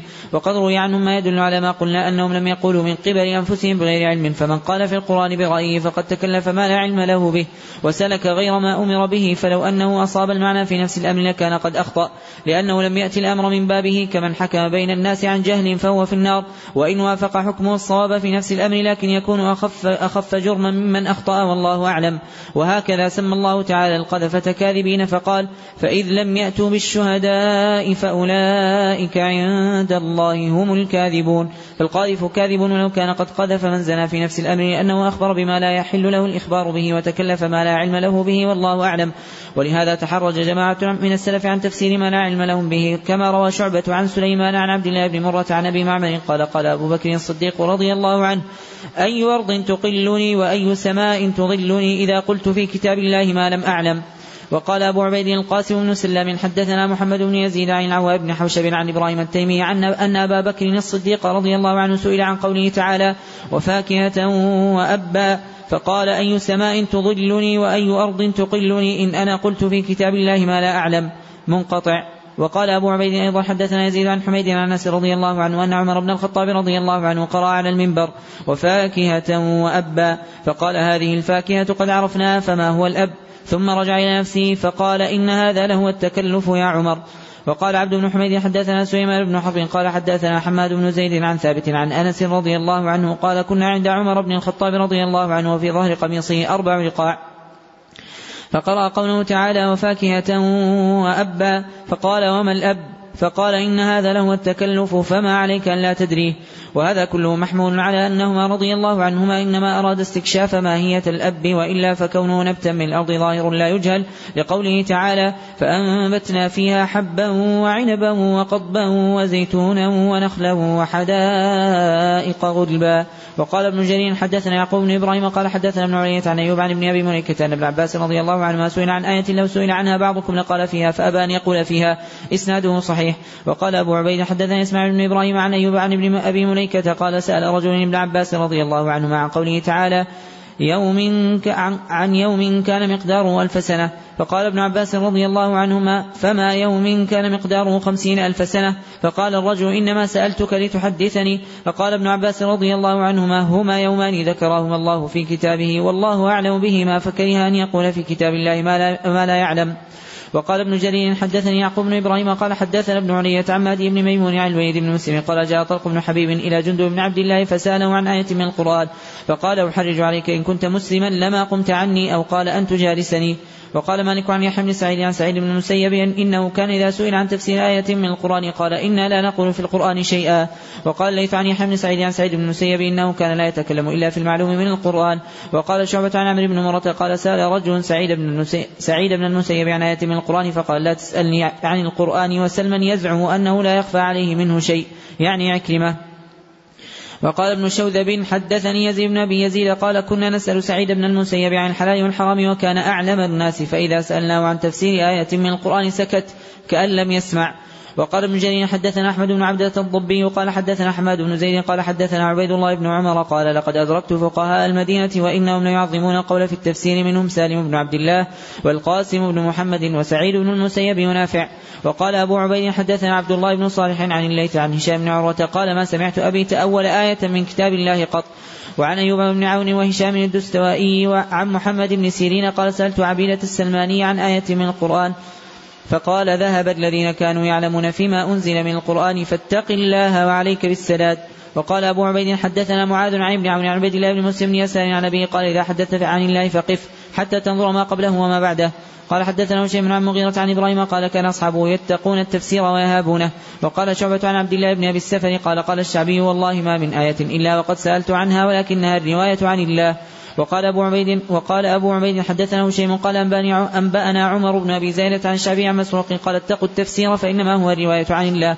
فهذه الآثار الصحيحة وما شكل عن أئمة السلف محمولة على تحرجهم عن كلام في التفسير بما لا علم لهم به فأما من تكلم بما يعلم من ذلك لغة وشرعا فلا حرج عليه.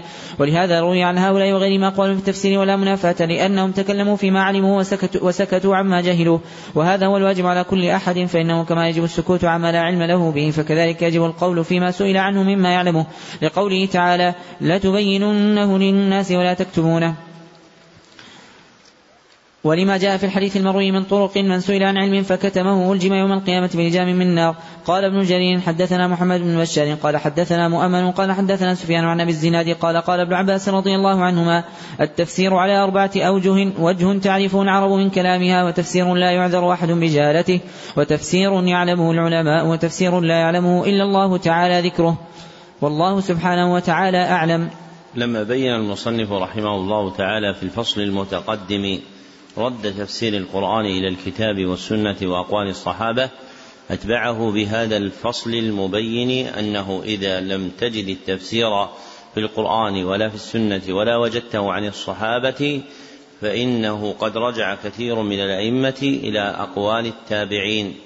وقوله رحمه الله لقد رجع كثير من الأئمة فيه إشعار بأن أهل العلم مختلفون في الاعتداد بتفسير التابعين فمنهم طائفة اعتمدوا تفسير التابعي ورأوه حجة ومنهم طائفة لم تعتد به ولم تره حجة فيكون قد أشار إلى خلافهم بهذا اللفظ المستطرف الجامع لقد رجع كثير من الأئمة فيكون منهم كثير رجع إلى أقوالهم ومنهم كثير لم يرجعوا يرجع إلى أقوالهم.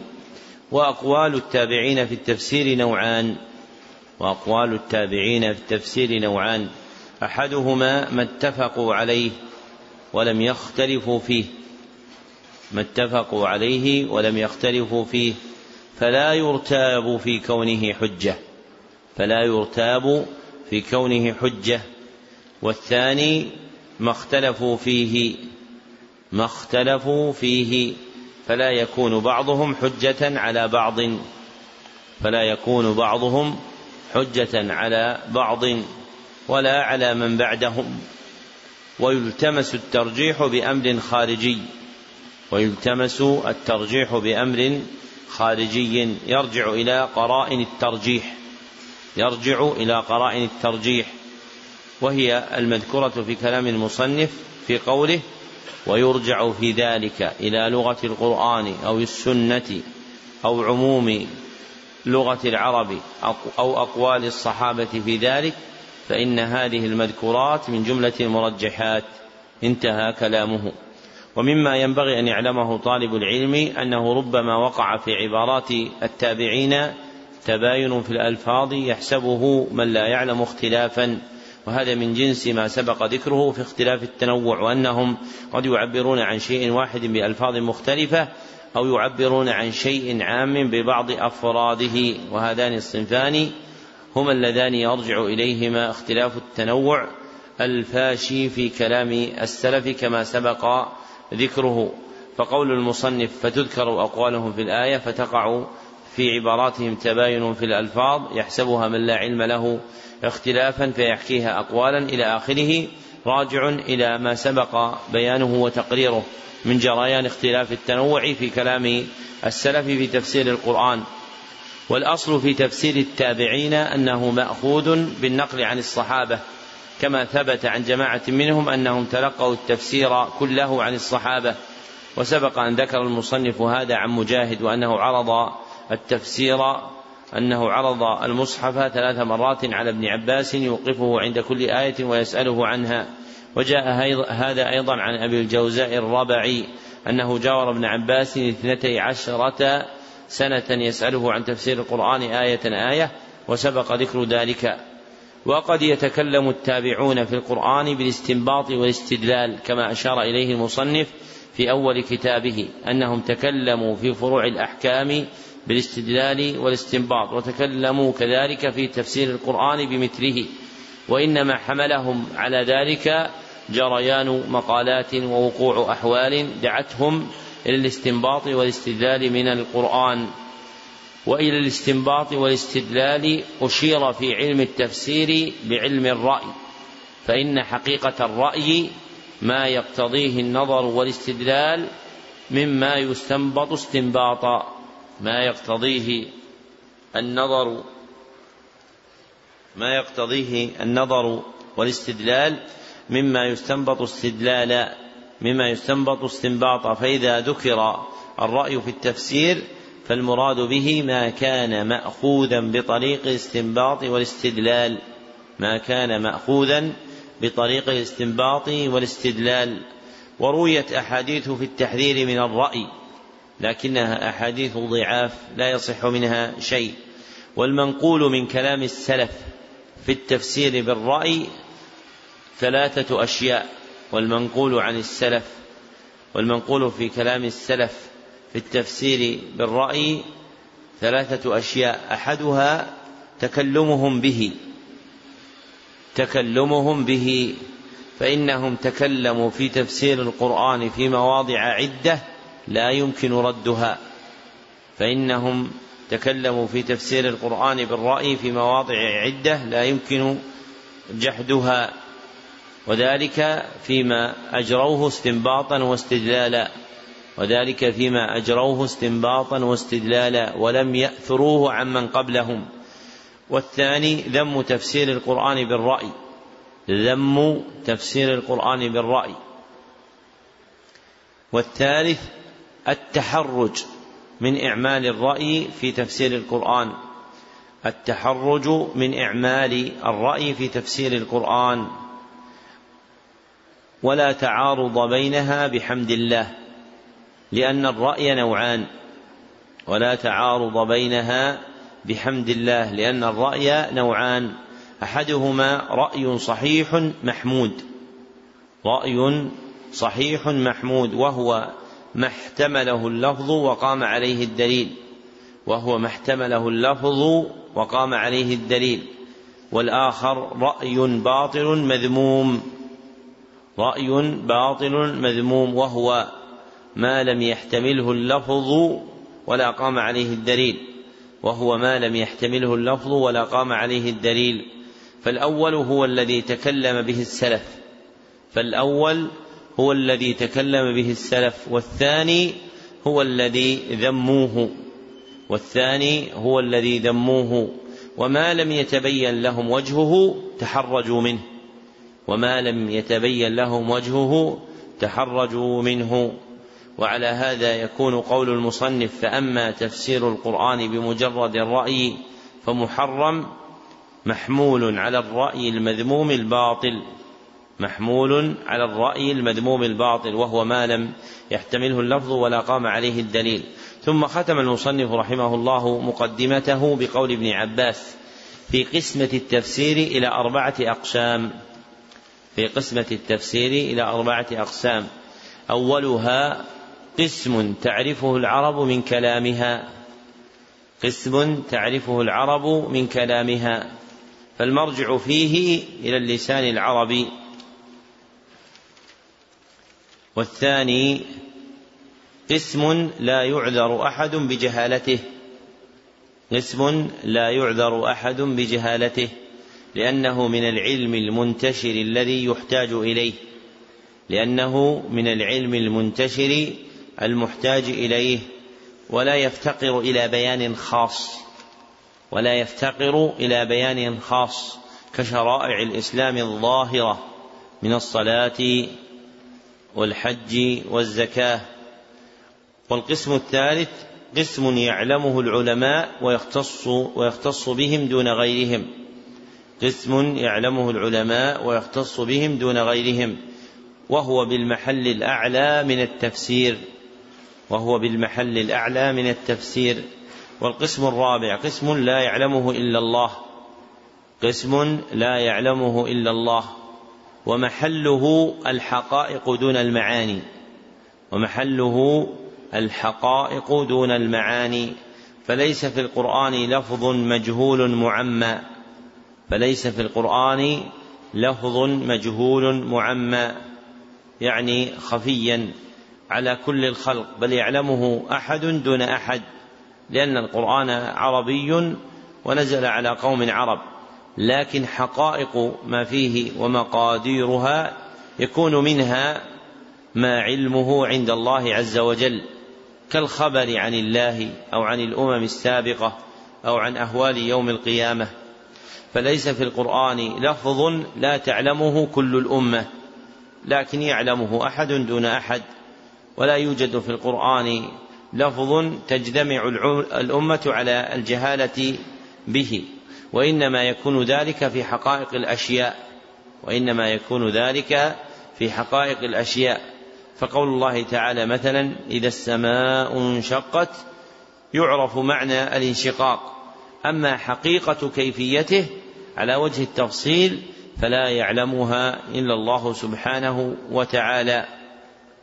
وآثر ابن عباس الذي يستفاد منه هذه القسمة هو كما عزاه المصنف عند ابن جرير في تفسيره وإسناده منقطع فهو ضعيف لكن معناه صحيح. ومجموع ما تقدم في أحسن طرق التفسير يتبين منه أن القرآن يفسر بالنزع من أصلين عظيمين. ومجموع ما تقدم في أحسن طرق التفسير يتبين منه أن القرآن يفسر بالنزع من أصلين عظيمين. أحدهما تفسير القرآن بالقرآن. أحدهما تفسير القرآن بالقرآن.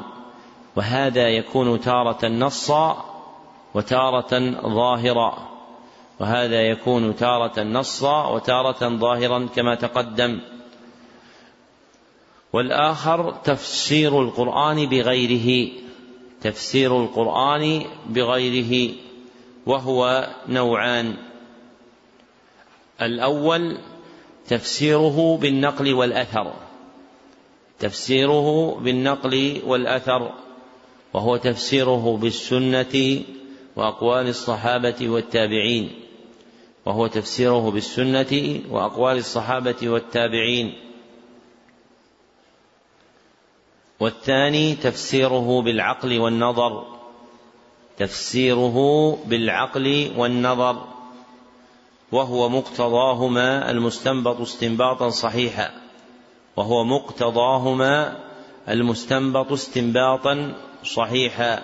مما احتمله اللفظ وقام عليه. مما احتمله اللفظ وقام عليه. وهو الرأي الصحيح المحمود. وهو الرأي الصحيح المحمود. وبهذا التقرير يندفع التش يندفع الإشكال في التعبير عن تفسير القرآن بالقرآن. هل هو من التفسير المأثور أم لا؟ وبهذا التقرير يندفع الإشكال عن تفسير القرآن. هل هو عن تفسير القرآن بالقرآن هل هو من المأثور أم لا؟ فيكون المقدم جعله أصلا منفردا وهو تفسير القرآن بالقرآن. ثم ما يقابله يكون هو تفسير القرآن بغيره وهو الذي يجري فيه التفسير بالأثر والتفسير بالرأي. وهذا آخر بيان معاني هذا الكتاب على نحو مختصر يبين مقاصده الكلية ومعانيه الإجمالية. اللهم إنا نسألك علما في المهمات ومهما من المعلومات. اكتبوا طبقة الكتاب. سمع علي جميع مقدمة المقدمة في أصول التفسير بقراءة غيره. صاحبنا فلان ابن فلان ابن فلان. فتم له ذلك في مجلس واحد بالميعاد المثبت في محله من نسخته. وأجزت له روايته عني إجازة خاصة بمعين لمعين في معين بإسناد المذكور في منح المكرمات لإجازة طلاب المهمات. صحيح ذلك وكتبه صالح بن عبد الله بن حمد العصيمي يوم الثلاثاء العاشر من شهر ربيع الأول سنة أربع وثلاثين بعد الأربعمائة والألف في المسجد النبوي بمدينة الرسول صلى الله عليه وسلم.